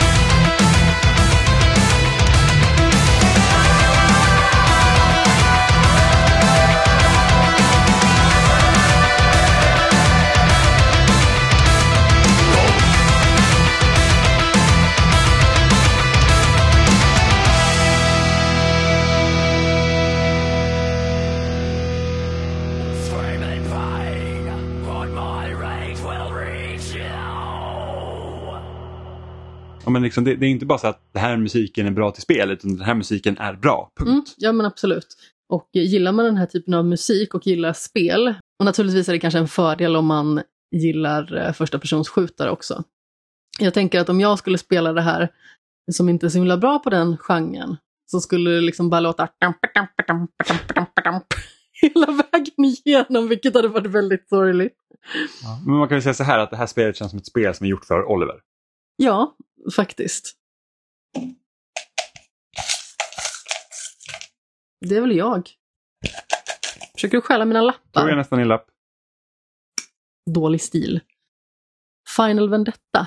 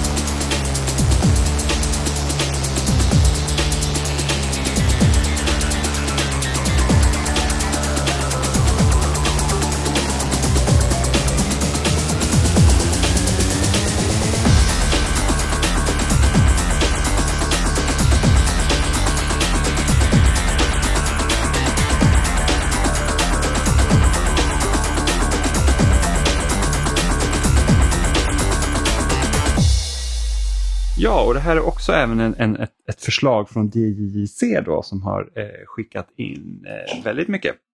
Eh, vilket fortfarande är roligt. ska jag säga. Och jag har skrivit den tråkiga kommentaren här, fighting-musikigt. Eh, ja, och som DJC själv skrev på Twitter då, att om ni skulle sakna lite schysst 90-tals-techno så kan jag tipsa om soundtracket till spelet Final Vendetta av Futurecast eller Utah Saints också. Eh, och jag har också skrivit faktiskt att det är så här, ja, beat 'em up känns väldigt 80-talsinspirerat eh, i hur det låter. Jag skriver 80-tals arkadhall nästan. Ja, ja, men precis. Jag kan inte säga direkt att jag saknar lite 90-tals techno. Men eh, det är alltid trevligt att naturligtvis få förslag. Så hade du spelat Final Vendetta så hade du bara sagt nej. Men alltså, det är säkert jätteroligt att spela och eh, ofta så fungerar ju den här typen av musik väldigt väl till den typen av spel. Sen så vet inte jag vad det här är för spel. Är det ett fightingspel? Det är ett beat'em up.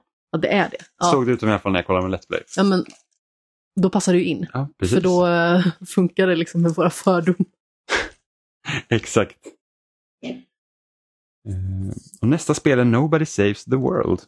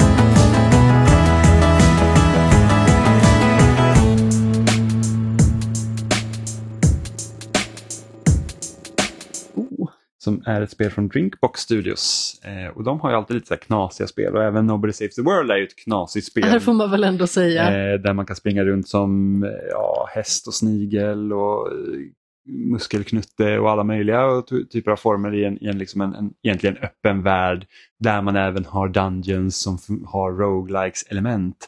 Eh, och även här säger jag liksom att det är ett spel också som har så här tydliga distinkta zoner där också man har ett eget liksom soundtrack-tema till varje del i världen egentligen. Jag önskar att jag hade spelat det här spelet mer för att jag tror att det hade kanske kommit upp på min topp 10-lista då bland årets bästa spel. För jag tycker att det var väldigt roligt det lilla jag spelade. Men eh, ja, det är en sorg faktiskt att inte jag eh, fortsatte med det. Jag tror att det var någonting som kom i vägen i vanlig ordning. Det är så himla tråkigt. Det känns som att det varje gång som jag tappar ett spel så säger jag så. Men ofta så kan det ju vara liksom ett recensionsspel som kommer i vägen. Jag tror att det var Triangle Strategy som eh, eh satte Nobody Saves the World på tvären. Ja, eh, men soundtracket är ju liksom, det är också väldigt så här bra tycker jag. Liksom att det blandar lite med det här att nu är vi ute och utforskar i världen. Inte liksom på något sätt den här lugna öppna världmusiken som vi kan se i många 3D-spel. Utan det är liksom, det är mer, det är den här peppiga, lite mer eh, retrodoftande även om det inte låter retro. Eh, och sen går man in i de här olika dungeons då och då brukar liksom musiken svälla med det och sen kommer man till bossar och allt möjligt och sånt. Eh, eh så det, det är ett väldigt eh, bra blandat soundtrack också till att ha liksom olika typer av eh, låtar. Liksom. Så det är inte som att de smälter ihop i varandra och man vet inte riktigt var utan det är liksom ganska tydliga distinkta teman genom hela spelet igenom.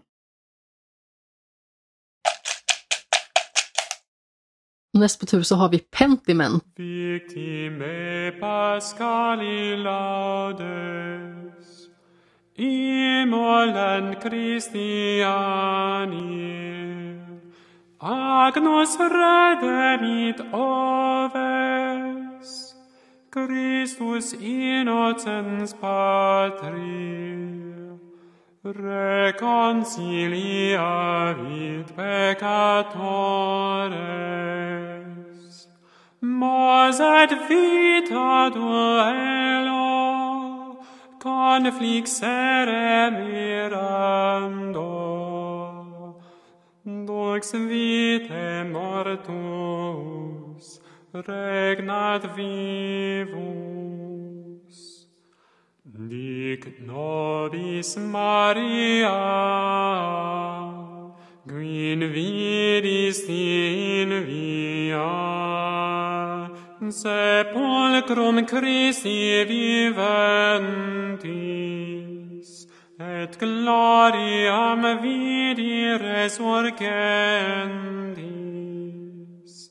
Angelicos testes,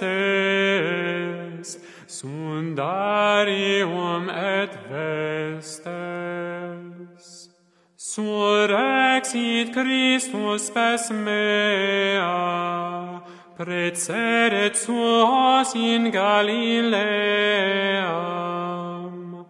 Ciemois Christum surexisse, amor tuis vere, tu nobis victor rex, miserere.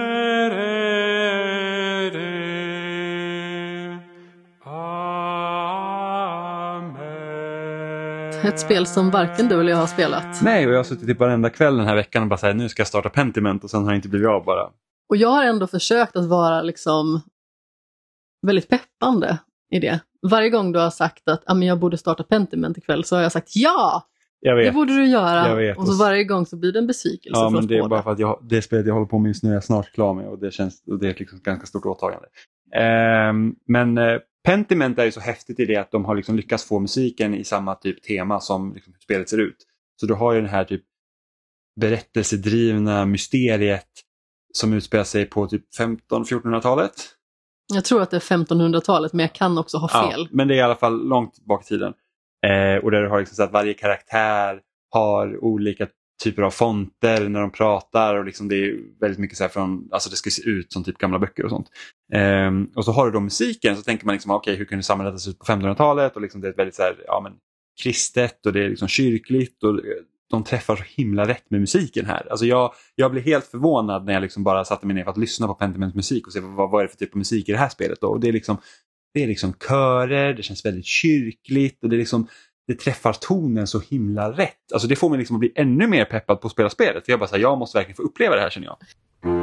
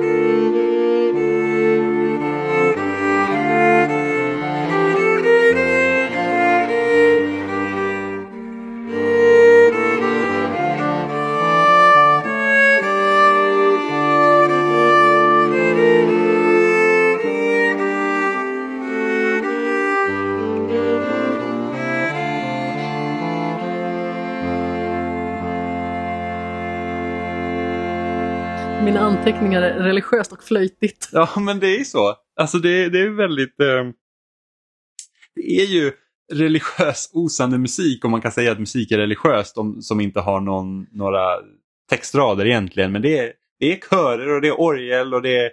Ja. Går du i kyrkan så kan du tänka att det är det här den typen av musik du får höra. Ja, men det känns lite så. Sen, religiöst är ju liksom väldigt brett för det finns ju väldigt många olika religioner. Ja, men men- om vi inte tänker kristendomen. Ja, absolut. Eh, Men det är liksom de associationer som jag fick upp i huvudet när jag lyssnade lite på musiken här innan.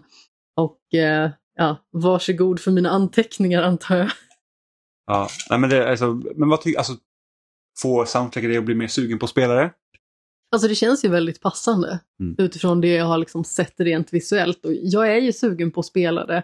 Det jag är mindre sugen på det är ju liksom att det kanske är 20 timmar långt och så är det väldigt mycket läsning och jag vet liksom inte om jag riktigt har det i mig just nu. Men eh, jag får väl spela lite mer Vampire Survivors så kanske jag är jättesugen på att läsa snart. Mm. Jag har ju spelat eh, I was a teenage exocolonist två stycken vändor nu. Och jag är väl uppe i snart 30 timmar och jag har precis påbörjat en tredje omgång också så jag ska väl inte säga någonting för där är en hel del läsa också men det är lite mer lättillgängligt när det gäller läsbiten. Mm. Och hur är musiken då i I was a teenage exocolonist? Det är väldigt passande att du eh, fipplar upp den där.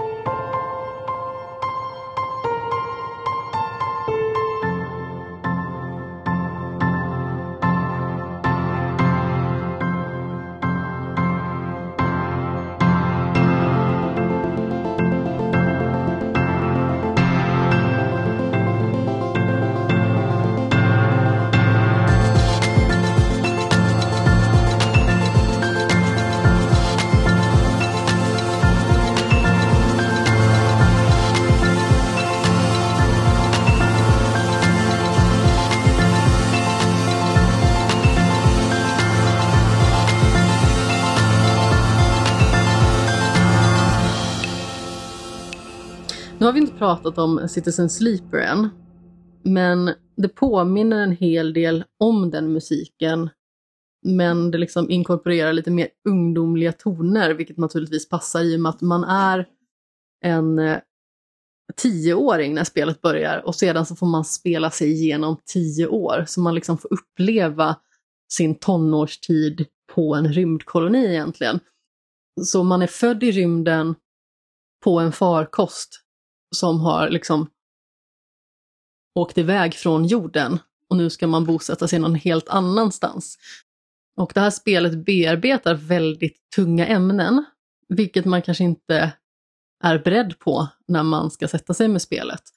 Eh, för att det ser liksom väldigt färggrant och vackert ut och eh, det har liksom en väldigt glad estetik, låter väl lite fånigt, men eh, man får ju lite mer positiva associationer av själva färgschemat och sådär.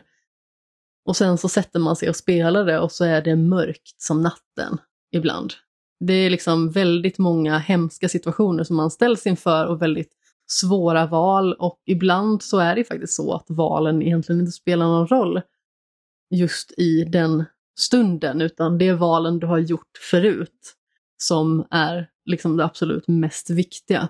Jag tycker musiken fångar det liksom väldigt bra att när man kanske går ut och utforskar så finns det ett lite mer glatt tonläge, lite mer äventyrligt.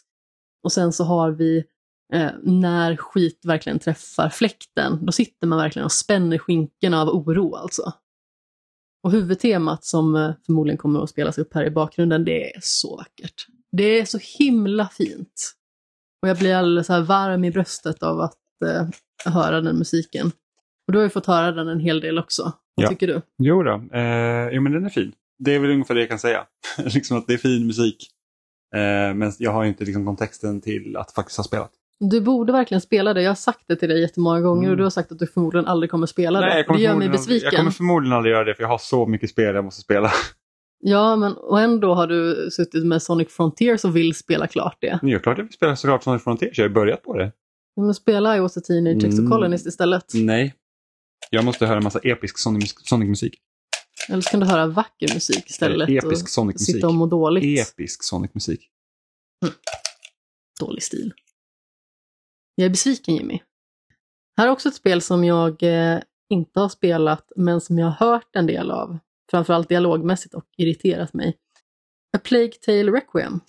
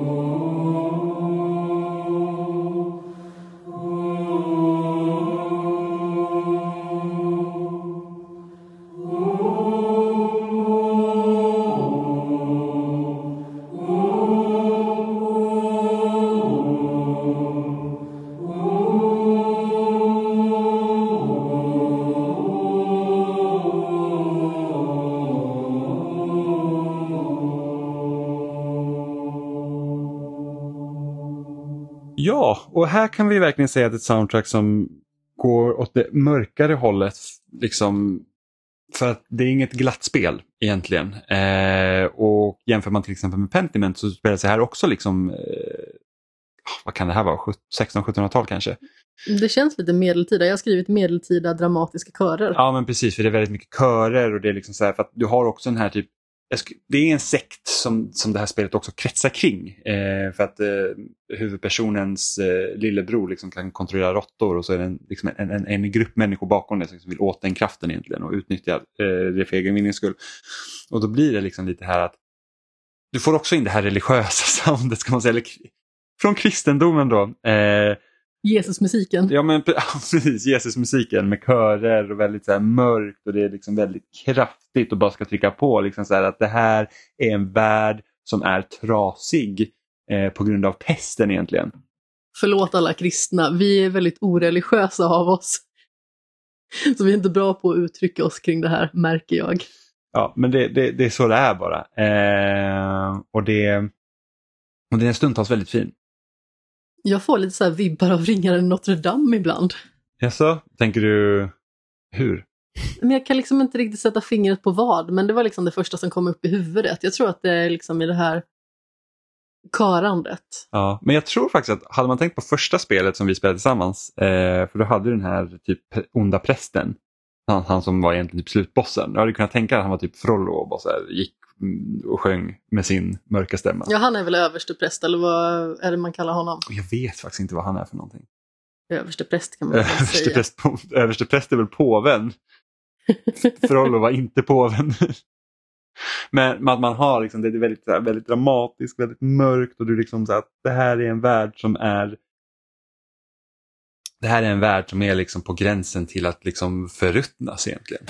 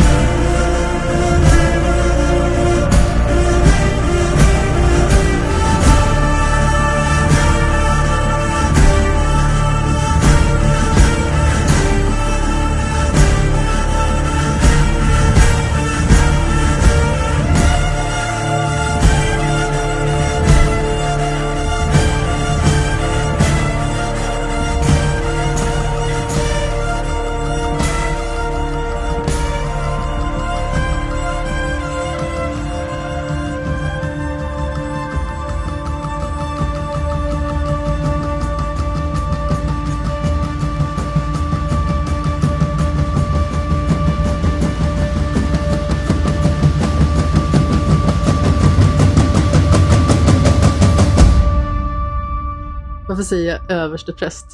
Det finns ju en präst med i Ringaren Notre Dame. Eh, Och det är ju han som eh, räddar ringaren från att dö egentligen. Men eh, Claude Frollo är ärkediakon. Vad gör man om man är en ärkediakon? Det får du googla själv. Det har jag ingen aning om. Jag kan googla. Okej, jag tänkte att du var kanske inne på en Wikipedia-sida och bara kunde trycka på en länk. Nej, Det är inte precis som att jag bara så här, åh, ärkediakon. Ja, men nu, är vi alla, nu sitter vi alla spänt och väntar på att veta vad en ärkediakon gör. Förutom alla våra religiösa lyssnare då, som vet det här utan och innan. Här kan du läsa högt. En ärkediakon. Den förnämste diakonen, även svenska ärk, ärkejäkne. Innehar det främsta kanonikatet såsom den första vid katedralkyrka anställde dekanen, alltså den som var chef för dekanerna och övervakade dem med disciplinär makt. Okej. Nu Det var- förstår du varför jag lät dig Ja, det, läsa. det var massa ord där, så jag bara okej, det där vet jag inte vad det är, det vet jag inte, det där vet jag vad jag gör. Men okej, men okej, så chef över dekanerna, vad är en dekan? Skillnad från en präst. Det får folk googla själva, eh, förutom våra religiösa lyssnare och som jag vet. Ehm, men eh, det finns även musikstycken i A Plague Tale som också inger lite hopp. För att det är inte bara mörkt och jävligt hela tiden utan de här två syskonen reser igenom en, en, en, en del av Frankrike och liksom, ofta när man kommer till ett ställe så har man inte kanske träffats av pesten helt och hållet på en gång och då är det ju inte den mörkaste musiken man kan höra utan den är lite mer hoppfull, lite mer så att vi ser ljus på framtiden tills alla de här råttorna kommer in och förgör oss helt enkelt.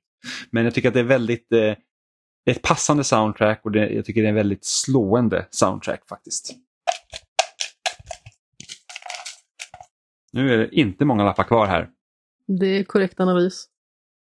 Och nästa spel är Citizen Sleeper.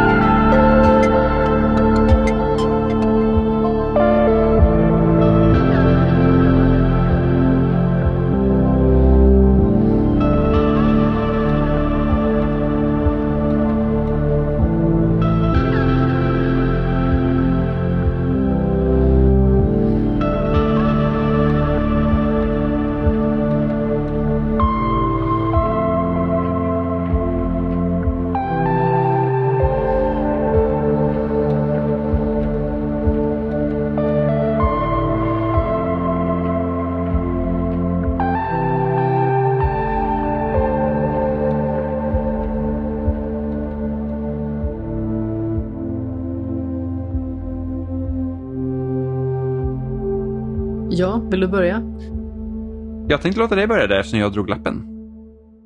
Ja, fast nu blir det lite moment 22 här. För att jag vill att du ska börja. Ja, jag kan väl börja. Eh, Citizen Sleeper är, eh, för mig, är det årets soundtrack. Eh, just för att jag tycker att det sätter tonen i den värld man befinner sig så otroligt bra. Eh, speciellt när man då liksom, för de som inte vet vad Citizen Sleeper, du går liksom inte runt i en miljö utan det är ju nästan som ett menybaserat rollspel. Eh, du, kanske, du ser en karta i mångt och mycket där du har liksom olika intressepunkter där du går in i. Eh, och där träffar du liksom människor, du pratar med dem du lär känna dem. Eh, och då liksom sitter den här musiken sätter liksom sån otroligt bra ton i, bara, i, i hur din, liksom, din karaktärs sinnesstämning från att ha flytt från det här ondska företaget till att liksom träffa typ personer som har liksom olika livsöden helt enkelt. Det kan vara allt från liksom att man försöker få den här restaurangen att gå runt till att försöka undanröja en stor konspiration till att liksom bara försöka fly från det här typ eh, riktigt förjävliga platsen som finns. Eh, och så hör man den här liksom, musiken i bakgrunden. Så att hade någon liksom sagt att den här musiken kom från typ cyberpunk så hade man liksom sagt att ah, men det låter ganska passande. Eh, och att man liksom, det är lite mer åt också det elektroniska hållet. Eh, också kanske lite så här inspiration för lo-fi beats som vi pratade om med Dorf Romantic men inte lika slött som gör liksom att det här ska jag kunna studera till. Utan det är liksom, jag vet inte, det finns så mycket känsla i det här soundtracket på något sätt.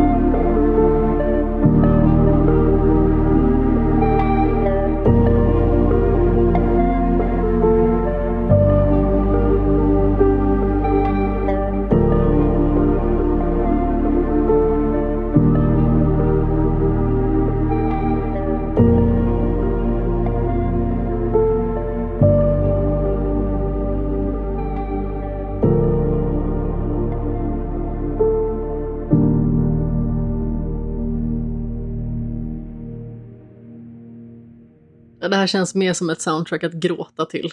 Får man väl ändå Fast säga. jag tycker ändå, in, ändå inte. Jag liksom, men jag vet inte, det, det kan ju lite bero på hur, hur man liksom ställer sig i sin relation till spelet Citizen Sleeper. Eh, för jag känner mig ändå ganska hoppfull inför det när jag lyssnar på det. Ja, det är väl lite olika naturligtvis beroende på i vilket läge man är i spelet och vad det är som händer. För i varje cykel så händer det nya saker. Varje cykel är liksom inte lika framträdande och betydelsefull.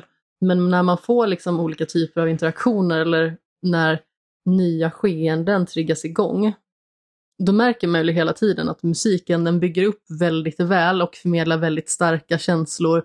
Trots att det är ett spel där man liksom inte har ett lika tydligt ansikte på sin egen karaktär eller de andra karaktärerna som man kanske har i ett spel där man vandra runt i en värld där man liksom ser eh, en karaktär yttra olika typer av ord eller eh, förmedla känslor faktiskt vidare till andra karaktärer. Utan här är det liksom läsa som gäller egentligen däremellan. Och det känns ju liksom som att de är väldigt bra på att fånga så väldigt olika sinnesstämningar. Så du har liksom det här mörka och jordnära och suggestiva som eh, vi pratade om tidigare. Men det har ju också även liksom mer hoppfullt, målmedvetet och finstämt. Men många låtar känner jag liksom så här att men det, det är ett väldigt bra gråt-soundtrack egentligen, för att det är liksom väldigt känsloladdat hela vägen igenom. Eh, och jag tycker ju också att rent musikaliskt så är det här bästa där det gäller spel i år, definitivt. Och eh, Possible Futures är ju absolut den bästa låten. Det är en sån fantastiskt vacker låt som jag liksom bara kan lyssna på om och om igen.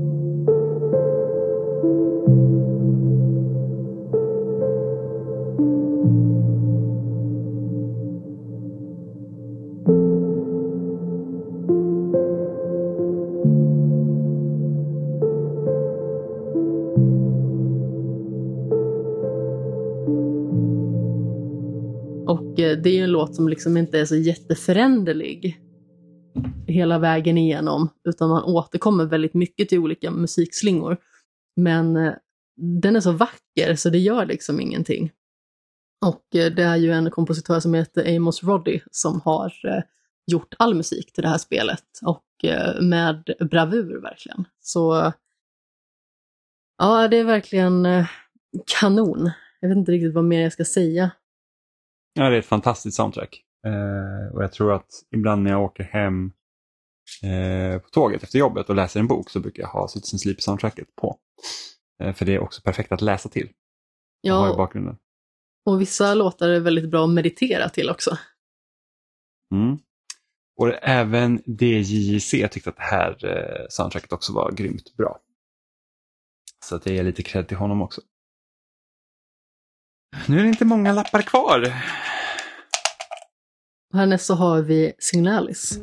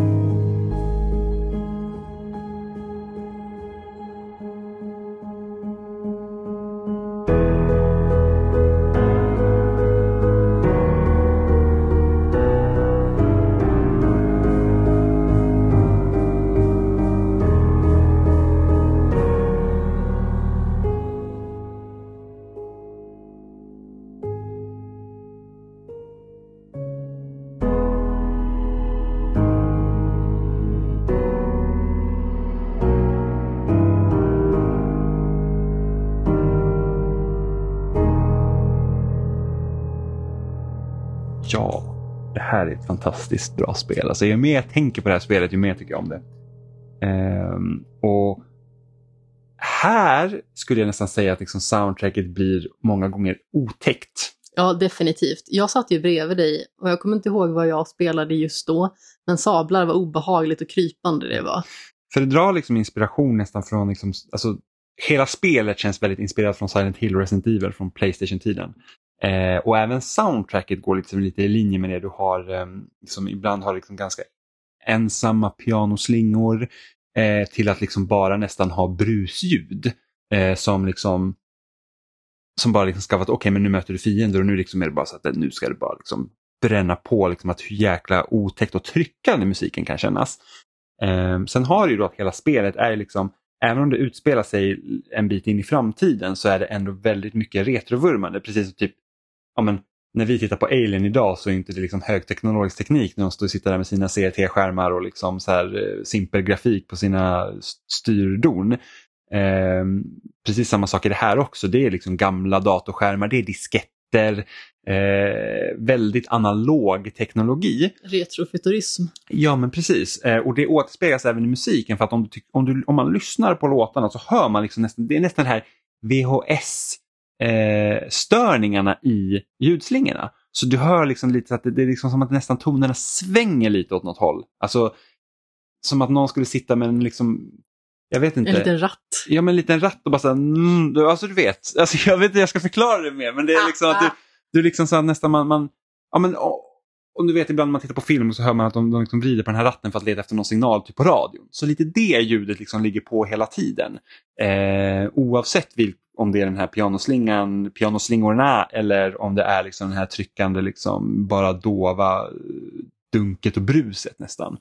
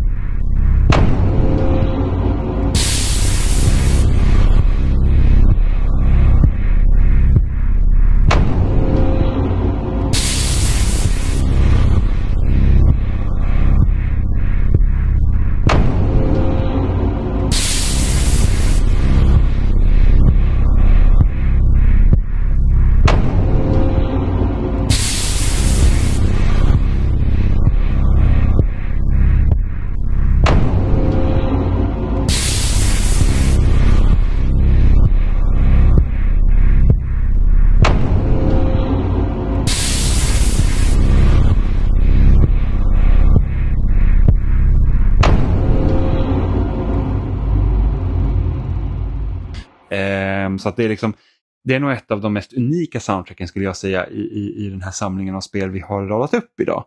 Eh, just för att man också har arbetat så mycket med det tekniska liksom runt omkring det så att det ska få det här speciella ljudet. Ja, och jag kommer inte alls ihåg vad det var jag spelade när du spelade det här, men jag kände nästan så här, låt mig vara, verkligen ibland, för att det var ju jätteobehagligt när vissa ljud dök upp. Mm.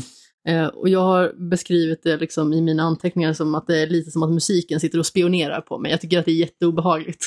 Mm. Men tänk då inte att musiken, att ni, ni får höra något så spionljud nu. För att det är inte som att musiken, liksom, det är inte Rosa Pantern.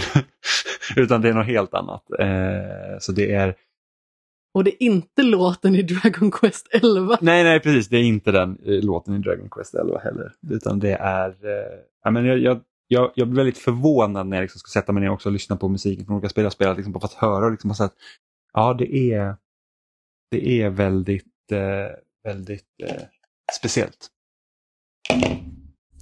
Så är det dags för det näst sista spelet och det här är återigen en av DJJCs greatest hits kan vi kalla dem nu. Gunborg Dark Matters heter Eller det. Gunborg som jag Gunborg, ja, det är. Gunborg.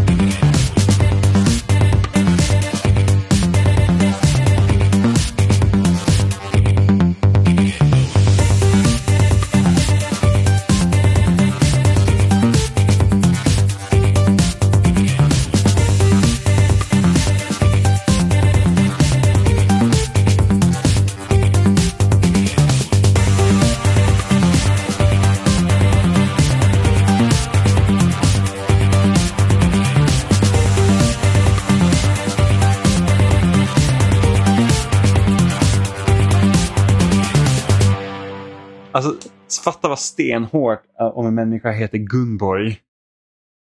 Faktiskt väldigt Men roligt. lite som att heta Ingeborg. Mm, och nu heter de Gunborg.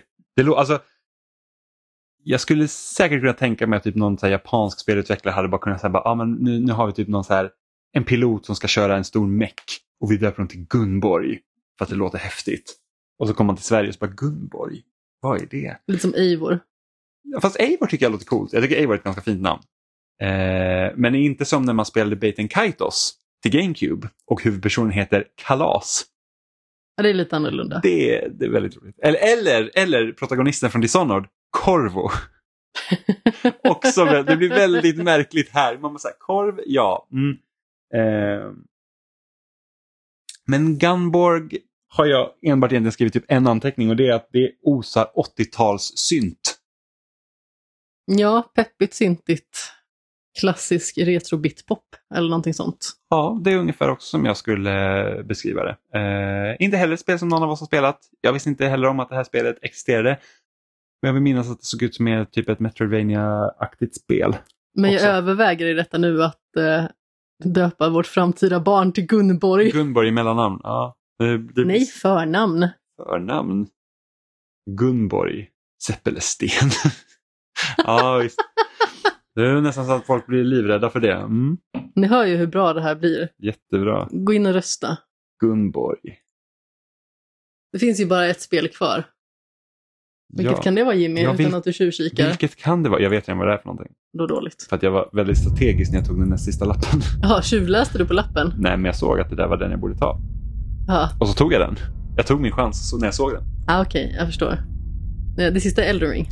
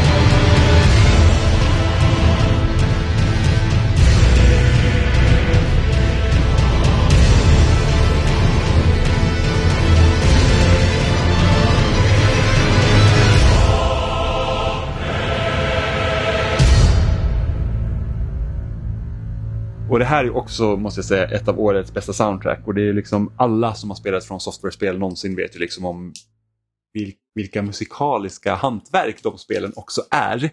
Eh, och jag tror liksom när jag fick upp ögonen, Amanda tittade väldigt så här nedslående och bara så här, fy fan vilket piss Elden är. Nej, Nej, jag skojar bara. det tycker jag inte. Men blicken säger allt. Eh, men och jag tror redan liksom började typ i Bloodborne när man liksom kommer typ till någon första bossen och liksom musiken bara så här, alltså helt galet, liksom bara körer och det är verkligen så här att okej men jag kommer verkligen få skiten, nu sparkar jag på mig. Eh, och ungefär så är Elden Ring också, i alla fall när man kommer till bossarna så är det ju verkligen så här typ Alltså man, man slår verkligen på stort eh, och det är liksom maffigt och liksom de hanterar musik. Alltså i vilket annat spel som helst hade det varit en mellansekvens. Medan i liksom From Software-spel när du kommer till en boss och musiken drar igång så det, du är i liksom, vad ska man säga, mellansekvensen. Utan det är liksom, det bara är, är wild, säger jag bara.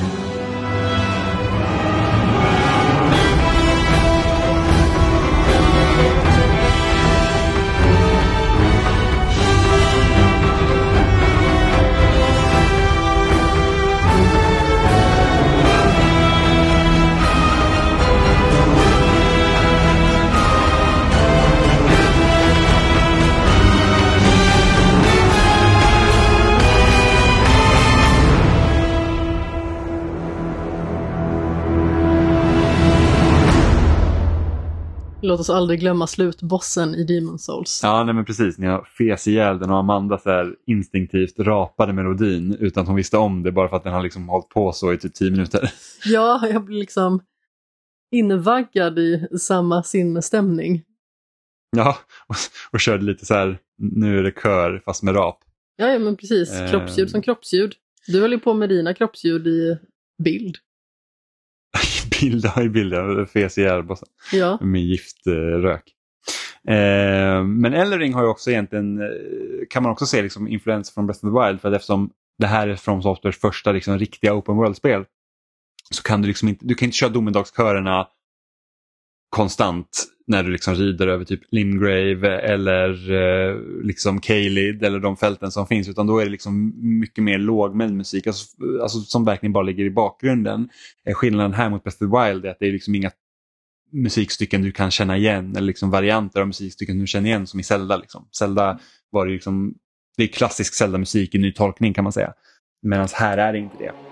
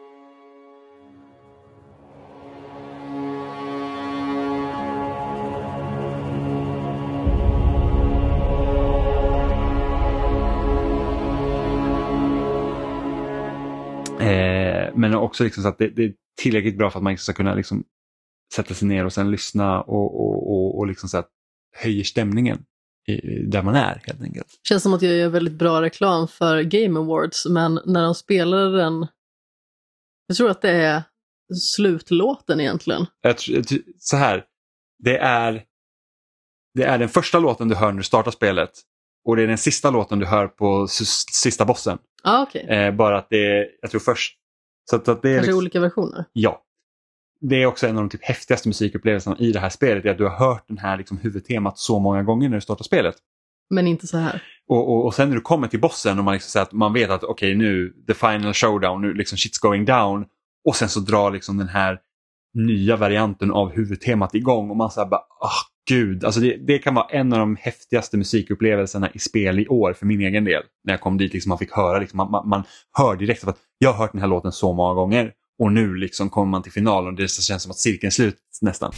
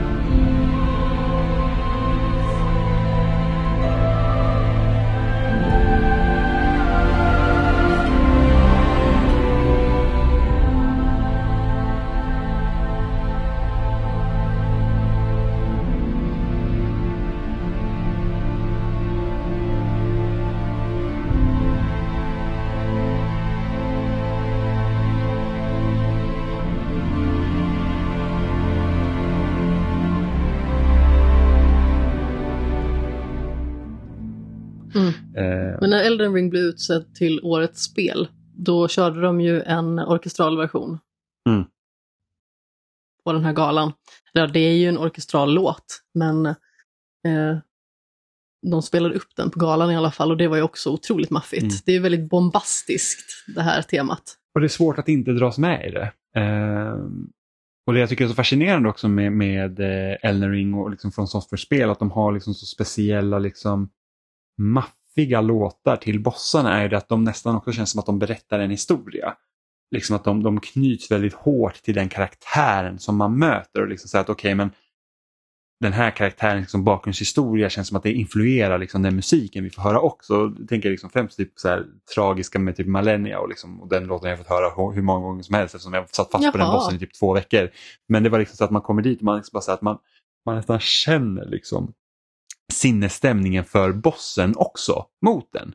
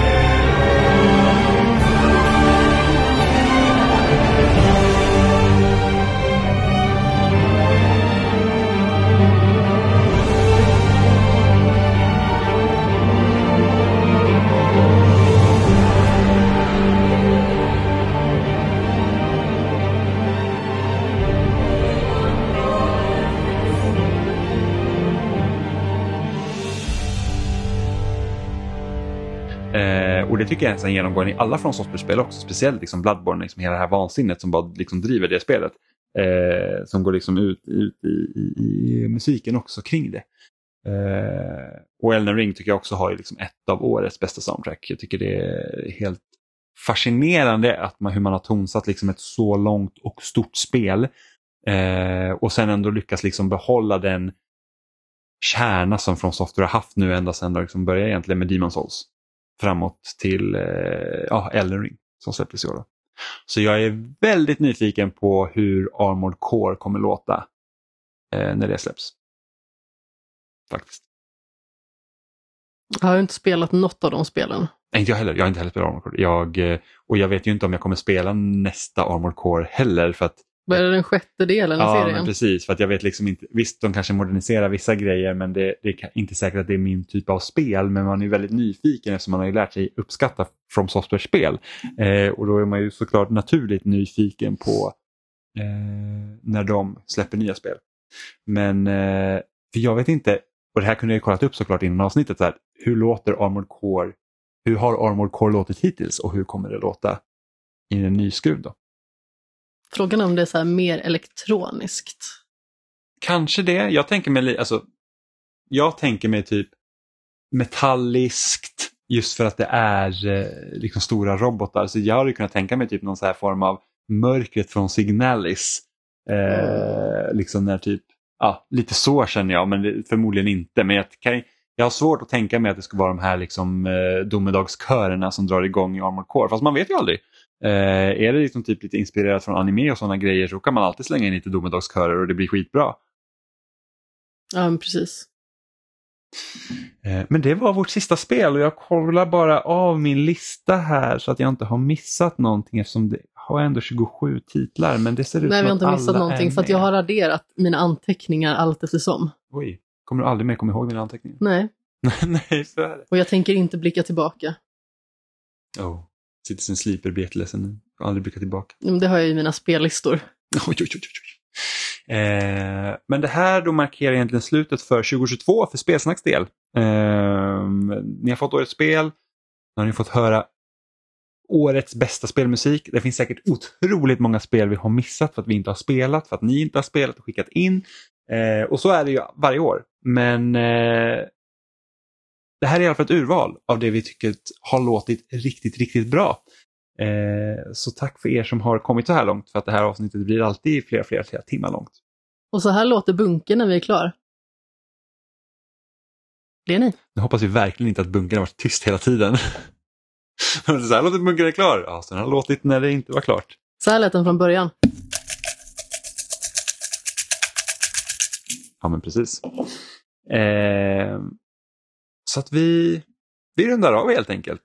Så ni vet att ni hittar oss som vanligt på spelsnack.com. Där finns också alla länkar där vi finns som Facebook, Twitter, Youtube, Instagram.